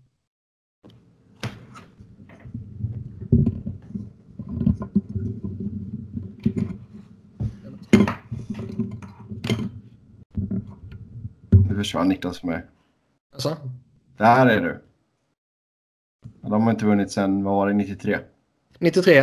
Och Ja. frågan är väl hur relevant då den historiska aspekten är 2019. Men jag tycker det är det mest uppenbara att säga.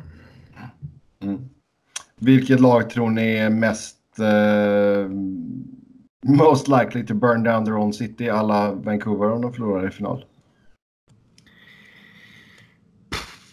I en final. Ja. Det är inte tillräckligt mycket, tam- det är inte tillräckligt mycket passion i Tampa för att det ska ske. Eh, Uh, Montreal går ju... Alltså Philly hade ju varit det givna svaret ifall de hade varit på en plats. Men skulle, alltså skulle Montreal varit ett topplag så känns det sådär. Men nu känns det som att de går in som en underdog om de tar sig dit och, och, och sådär. Det kommer nog de fatta. Ja. Men jag vet inte hur, hur är galenskapen i Calgary?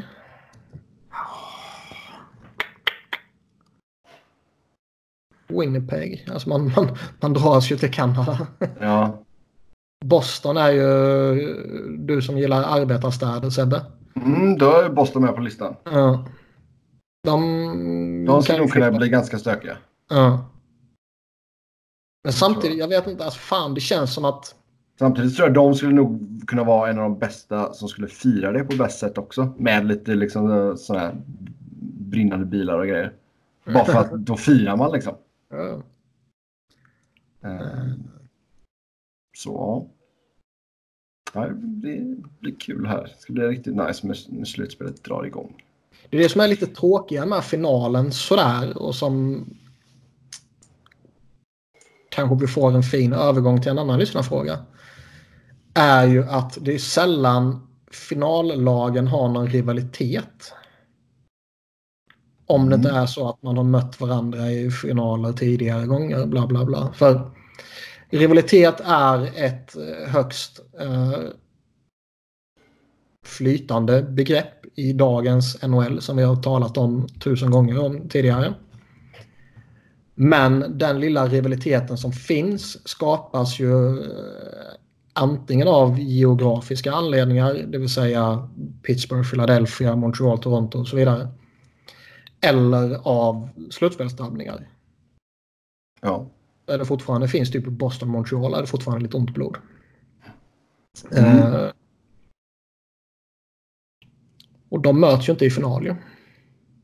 Nej, jag kan ju glida in på den här frågan här då. Hur ser ni på ett slutspelsupplägg med fri lottning inför varje runda? Det vill säga att ett lag från Eastern kan få möta ett lag från Western redan i första rundan och därmed inga konferensfinaler.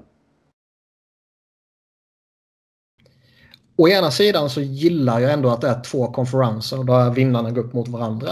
Jag, jag tycker det är lite häftigt på sitt sätt. Alltså jag tror att det är för, det är liksom för, vad heter det? Det är för traditionellt i nordamerikansk sport för att kunna ta bort tror jag. Jag undrar också hur det rent eh, logistiskt liksom... Det kanske är en direkt nödvändighet att man har uppdelat så. Både under grundserien och slutspel för annars ska man flänga över hela jävla Nordamerika hela säsongen kors och tvärs hela tiden. Och Alltså det kan ju bara bli klarar man det över en 82 matchers säsong och bla bla bla. Det kanske Alltså, finns sådana anledningar också. Alltså, du kan alltid lägga fler dagar mellan matcherna i slutspelet liksom. Men då skulle Jo, men då drar du ut typ säsongen ännu mer. Ja. Ehm, det är ju intressant givetvis. Och nuvarande slutspelsupplägget har vi ju eh, kritiserat både en och två gånger. Så det behöver man inte göra igen. Eh, det vore intressant. Oh, ja. Jag tror att eh, en helt fri lottning från 1 till 16 tror jag inte är aktuellt överhuvudtaget. Men alltså 1 till 8 i respektive konferens är väl inte orimligt. Nej, det hade varit skönt att få tillbaka det. Ehm, alternativt givetvis att det bästa laget väljer sin motståndare av de sju andra lagen. Mm.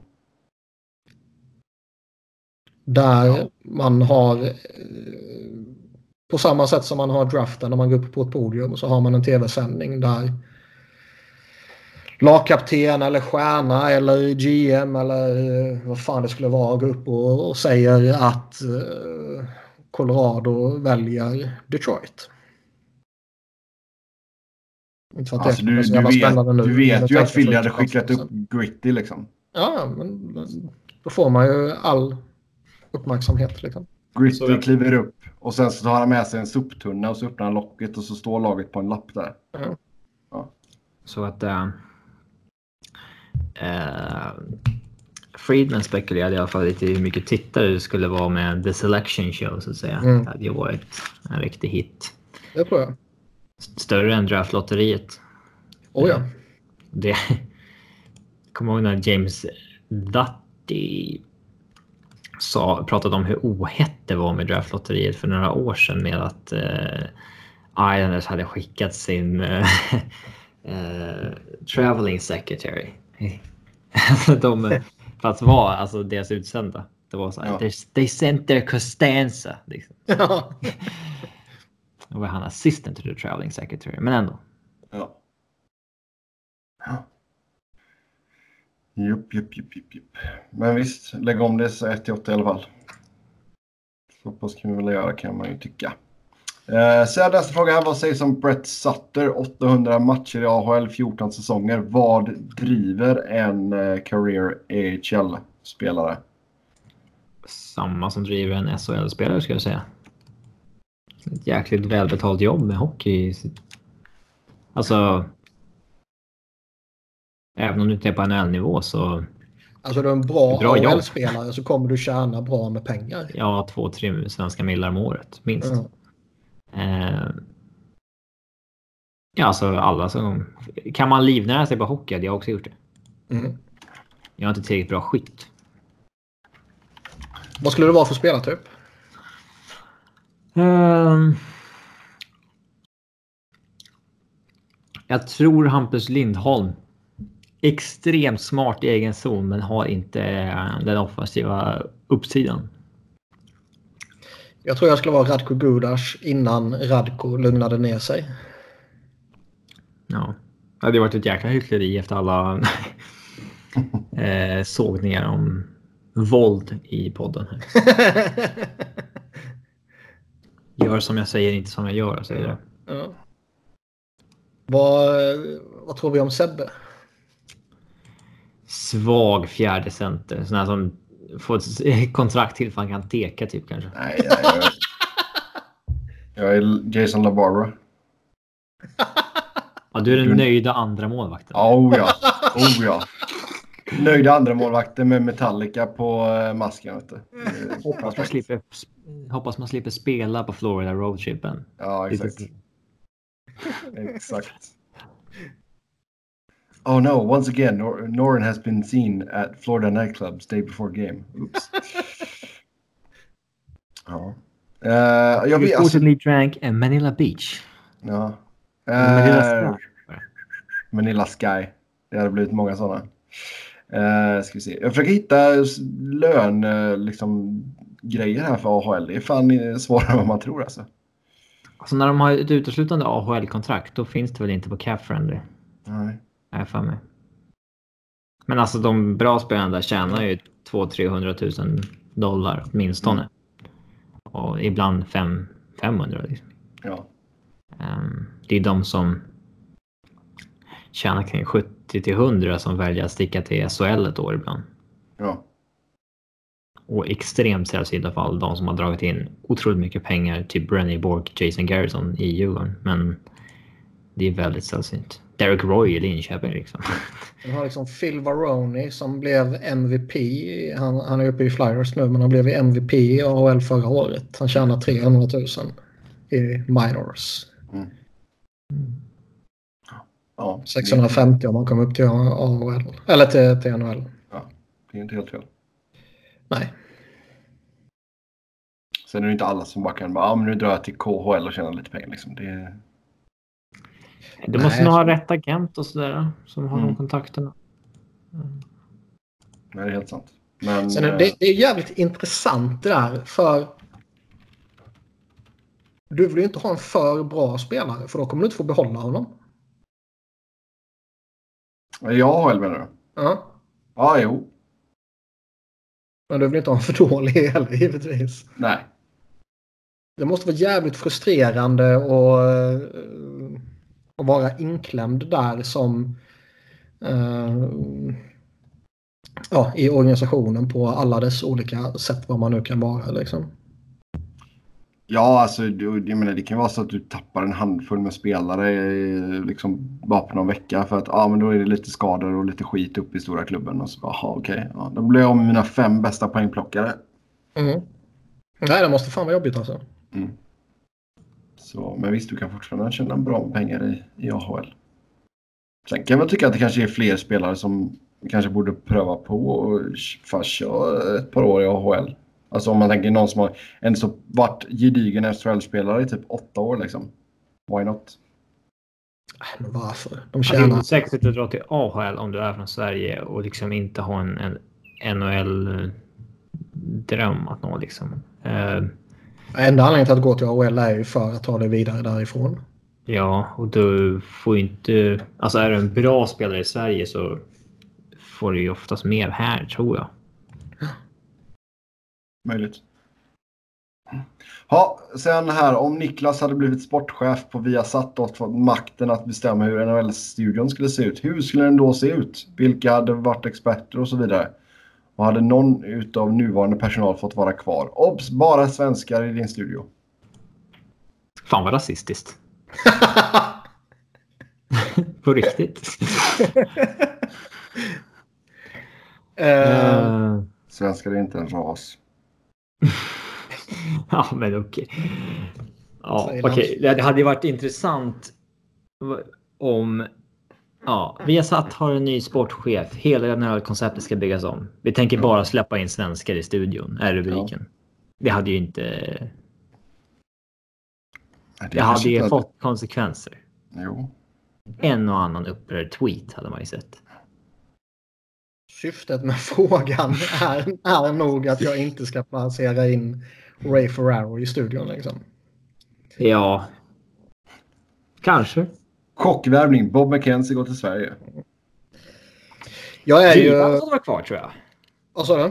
Gida hade fått vara kvar tror jag. Jag tycker han är en duglig eh, programledare. Men så fort han har något annat eller något mer än programledare så... Han gör ju det bästa av situationen ändå. Han gör det bästa av situationen. Eh, och som sagt, jag tycker han är en duglig programledare. Men jag tycker inte han ska vara något mer än programledare. Eh, han ska vara en moderator liksom. Uh, Wallin tycker jag är kompetent. Vem är Wallin i det här fallet? Rickard. Rickard Wallin, ja just det den gamla spelaren som alla utom Färjestads fans hatar. ja, jag kopplade inte vilken, vem Wallin var bara. Nej, jag tycker han är duktig. Jag tycker han, han framstår i alla fall som påläst. Vilket man inte kan säga om alla andra i den där studion. Jag kollar sällan på studion så jag kan inte såga... Nej, jag har inte sett någonting så jag har, jag har ingen aning. Men de två är de enda som jag skulle behålla. Ja, om du ska, vilka ska, ska du plocka in då? Högst oklart. Eh, eftersom jag har satt ihop körschemat så ser jag ju frågorna eh, i förväg. Uh, och jag har funderat lite. Därför du framstår mer påläst än oss. ni har också möjlighet att läsa på i, i förhand. Inte tid. Det är ni som aktivt väljer att inte titta på dem förrän vi spelar in. Det är du som har jobb. Alltså, ditt jobb är att sitta vid datorn och leka ja. med det där. Ja. Inte vårt. jag vet. Så jag bara dessutom äh, familj. Ja. Sånt uppstuds, uppstuds är alltid kul. Jävla otur liksom. Men eh, jag vet fan inte. Jag, jag, tycker att vi har... Ta typ Seymour så tycker jag de har en väldans massa väldigt duktiga hockeypersoner. Eh, både programledare, kommentatorer, experter. Jag tycker de har väldigt många jätteduktiga. Jag tycker eh, Sanne Lindström och Petter Enqvist tycker jag är jätteduktiga. Johan Törnberg tycker jag är jätteduktig. Björn Åhlén en bra programledare, kommentator och så vidare. Liksom. Ja, man kan ju inte svartlista alla för att de någon gång har sagt någonting man tycker är dumt. Liksom, eller så. Det, Och de, och de kan verkligen SHL eh, jättebra. Eh, skulle de kunna NHL lika bra? Jag vet inte.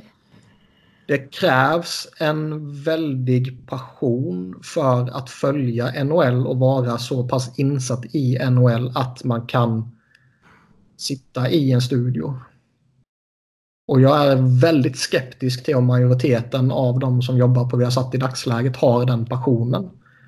Att de genuint tokbevakar ligan. Utan jag tror det är ett jobb och inte en passion. Och i, just i NHLs fall med tanke på matchtider på natten och så vidare så är det jätteskillnad. Det är det intrycket jag har i alla fall. Eh, men jag har ingen aning hur jag skulle formera en NHL-studio. Du, ska välja, du får, måste välja två gamla spelare. skulle du kö- köra upplägget programledare, expert och... Alltså programledare, expert och... Alltså typ Uffe Bodin så att säga. Alltså reporter. Yes, typ. Eller? Nej men grundupplägget kanske. Jag vet inte. Eller du menar en eh, som står mellan båsen typ? Nej, som sitter bredvid experten i studion. De är ju inte på plats. Ja, du menar, en ja, du, ja, du, ja, jag misstolkade ditt eh, begrepp reporter. Okej, så en gammal spelare och sen en journalist. Journalist typ. Ja. Nej, men absolut. Vem Eh. skulle vara din Bojan? Mm. Någon gammal spelare man skulle kunna slänga in i studion som kanske skulle vara... Som gör sig bra i tv liksom. Eh, Det kan ju bli dåligt när man bara slänger in ett namn man tror eventuellt kan vara bra också. ja. Alltså det var ju fasansfullt när SVT beslöt sig för att testa ett JVM med Per-Johan Axelsson som expert. Det var alltså helt enormt uselt. Det var... Han blev ju väldigt kortvarig i tv, men alltså satan var otroligt svag. Jag tycker Lidström har varit okej faktiskt. Mm. Han har ju en automatisk pondusrespekt i allt han säger. Liksom. Ja, vem fan är jag att sitta här och, och liksom sätta upp mig mot Niklas Lidström? Det kommer jag inte göra. Eh, generellt sett. Sen i vissa sakfrågor givetvis kan man göra det.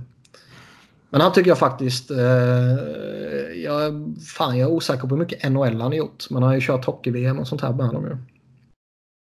Eh, men han tycker jag skulle- faktiskt har gjort ett bra intryck. Eh, Han känns ju inte som den som är uppe på nätterna och följer matcher för att hålla sig uppdaterad dock. nej. Men eh, skulle ju absolut kunna analysera en match.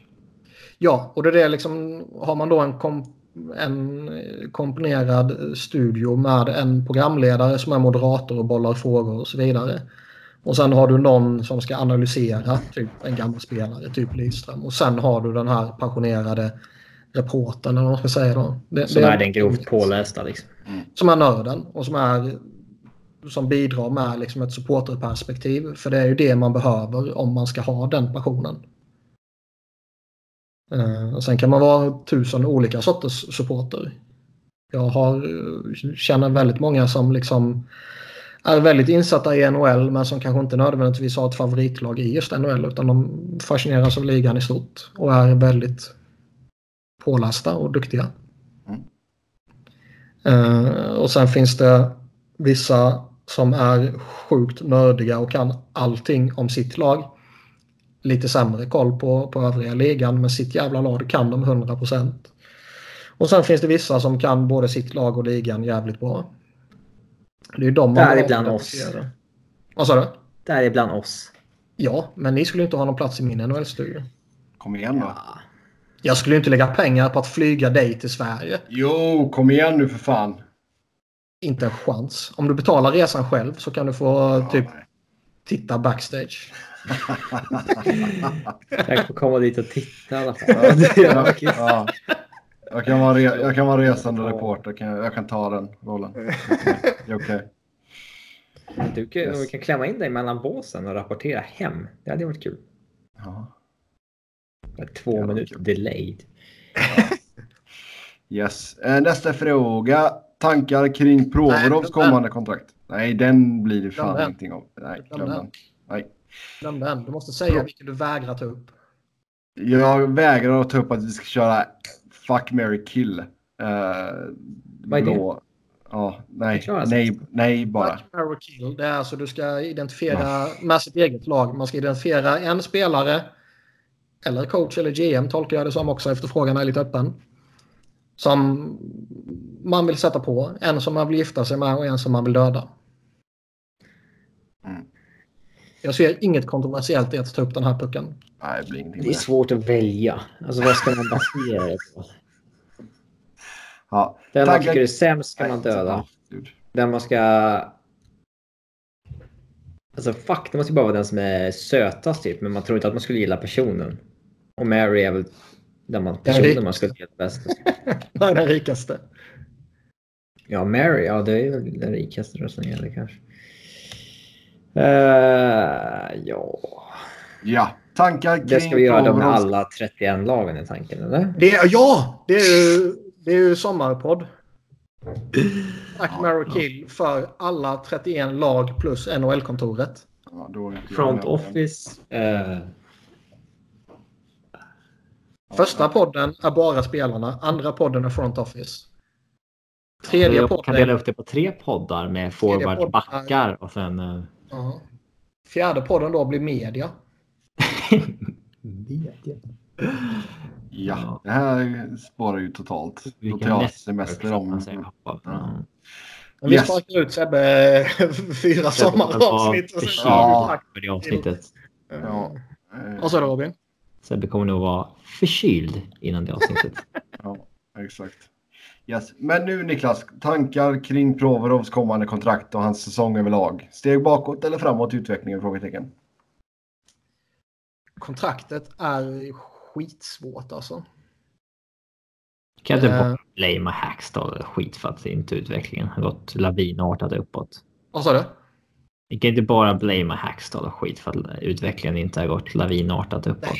Det, det, är ju, det har inte sipprat ut någon sån där liksom att det här är anledningen. Utan det finns ju olika saker man spekulerar om. Och det är ju å ena sidan är en punkt givetvis Dave Hackstall. Eh, men Provorov har också spelat gudomligt bra under Dave Hackstall så hur relevant är det? Gord Ja. Murphy som var backcoach är liksom samma sak där. Eh, det har spekulerats i att han inte varit helt återställd efter eh, axelskadan han drog på sig i slutspelet förra året.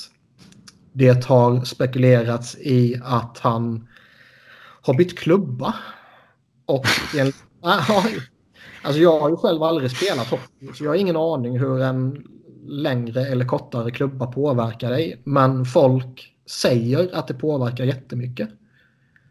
Men om du byter då till en kortare klubba och du märker att fan, nu har jag spelat tio matcher här och det går helt jävla åt helvete. Jag kanske byter tillbaka. Så jag vet inte hur relevant det är. Eh, det Jag kommer ihåg att, aspekt. att det kom ut efter säsongen 11-12 att Giroux hatar sina klubbar. Han kommer byta till nya. Mm. Och sen var han mycket sämre efter det. Det var det som var så han, han, han, Hans bästa säsong i karriären är ju 11-12 liksom. Mm. Då var han ju typ bäst i världen. Ja, den bästa är ju förra i och för sig. Men jag fattar vad du menar. Ja, men då alltså han... Jag fattar vad du menar. Det är inte det vi ska hänga upp oss på. Men ja, alltså jag, jag är ingen aning om hur det kan påverka längden på en klubba. Hur, hur liksom att det påverkar, det kan man ju förstå för du kommer ju eh, ha eh, alltså det är bara att titta på liksom hur du kommer ha kroppshållning och vilken längd eller liksom räckvidd du kommer ha och hur du måste anpassa dig för passningar, skott och bla bla bla. Men hur stor eller liten den påverkan är, det ingen jävla aning. Um,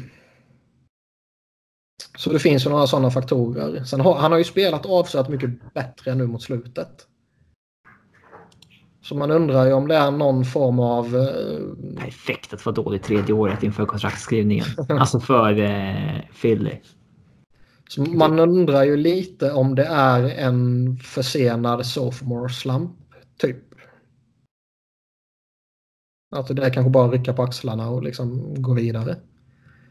Unga backar som spelar jävligt tunga minuter som han gör. De kan gå väldigt mycket upp och ner. Det är liksom, jag är inte orolig. Däremot är det sjukt svårt att spekulera om ett kontrakt. Kommer det vara en bridge deal? Kommer man signa upp honom långt och försöka få det billigt? Eller kommer man bara säga att ah, men vi tror på det och du får det stora kontraktet direkt? Men någonting i Ghost-klass kanske? Nej, han kommer få mer. Tror jag. Det är jag helt övertygad om. Men, ja. Blir det liksom sex eller åtta? Ingen jävla aning. Miljoner eller år? Miljoner pratar jag inte. Det är sant. Uh, Åtta mille får han ju inte. Nej. Inte nu tror jag inte, men jag tror han skulle kunna ha fått det efter förra säsongen. Där han ändå var liksom ligans bästa mål. Ja. Eller delad bästa. Ja, det hade varit ett...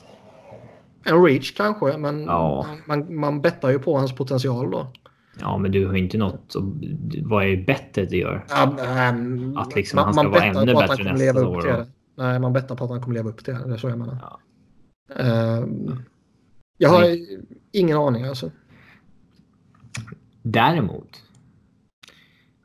Vi ska inte fastna i Philly-snack här, men alltså... Jodå. Nej, tack. Jo då.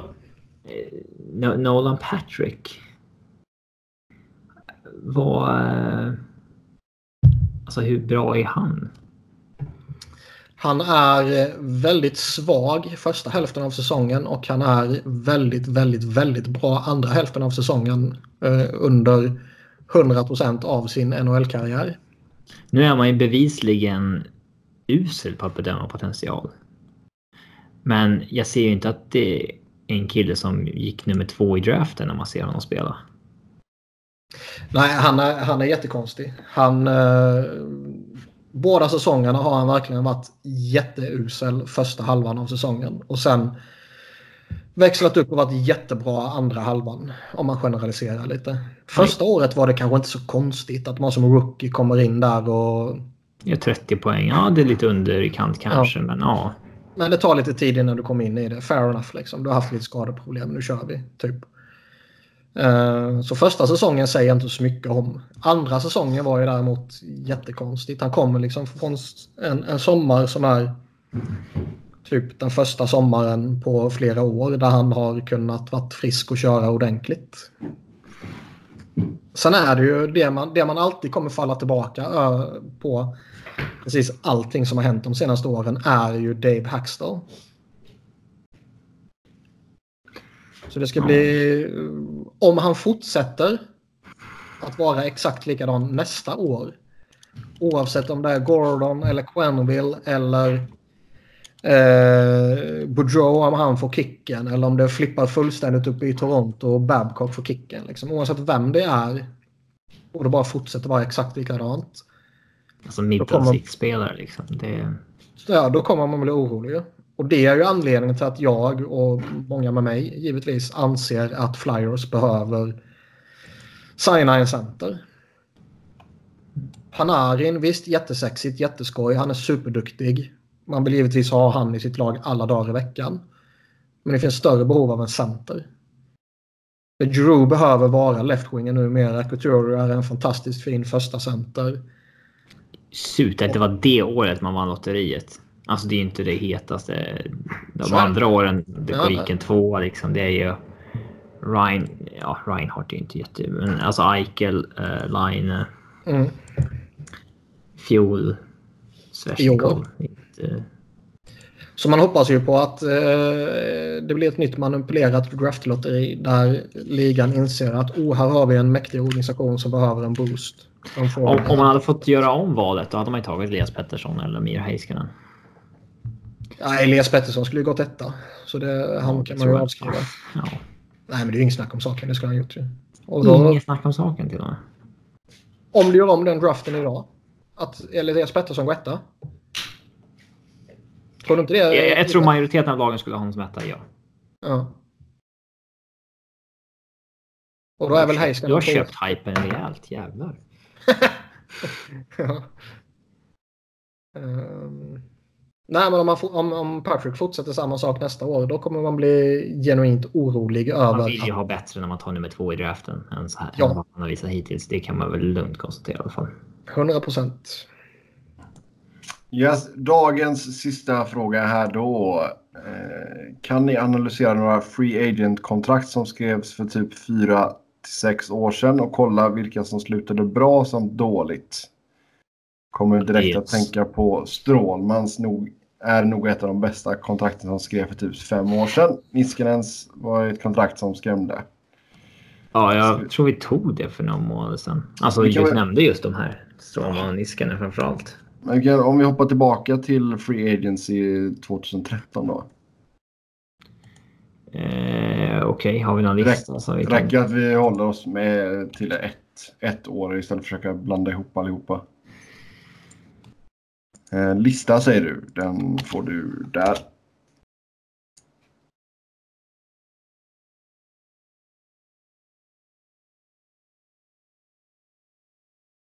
Den har ju alla på sig så det är lite att sålla men. Ja, det är bara att börja sålla sig med. Mm. Det är en helt värdelös lista, man ser ju ingenting. Ja, jag vet. Jerome McGinla. Jag skulle... Till Boston då eller? Ja. Ja, alltså, vi kan ju ja, ett. Säg så här, jag, Ja. jag sätter ihop en lista till nästa avsnitt istället. Okej. Tungt. Tungt.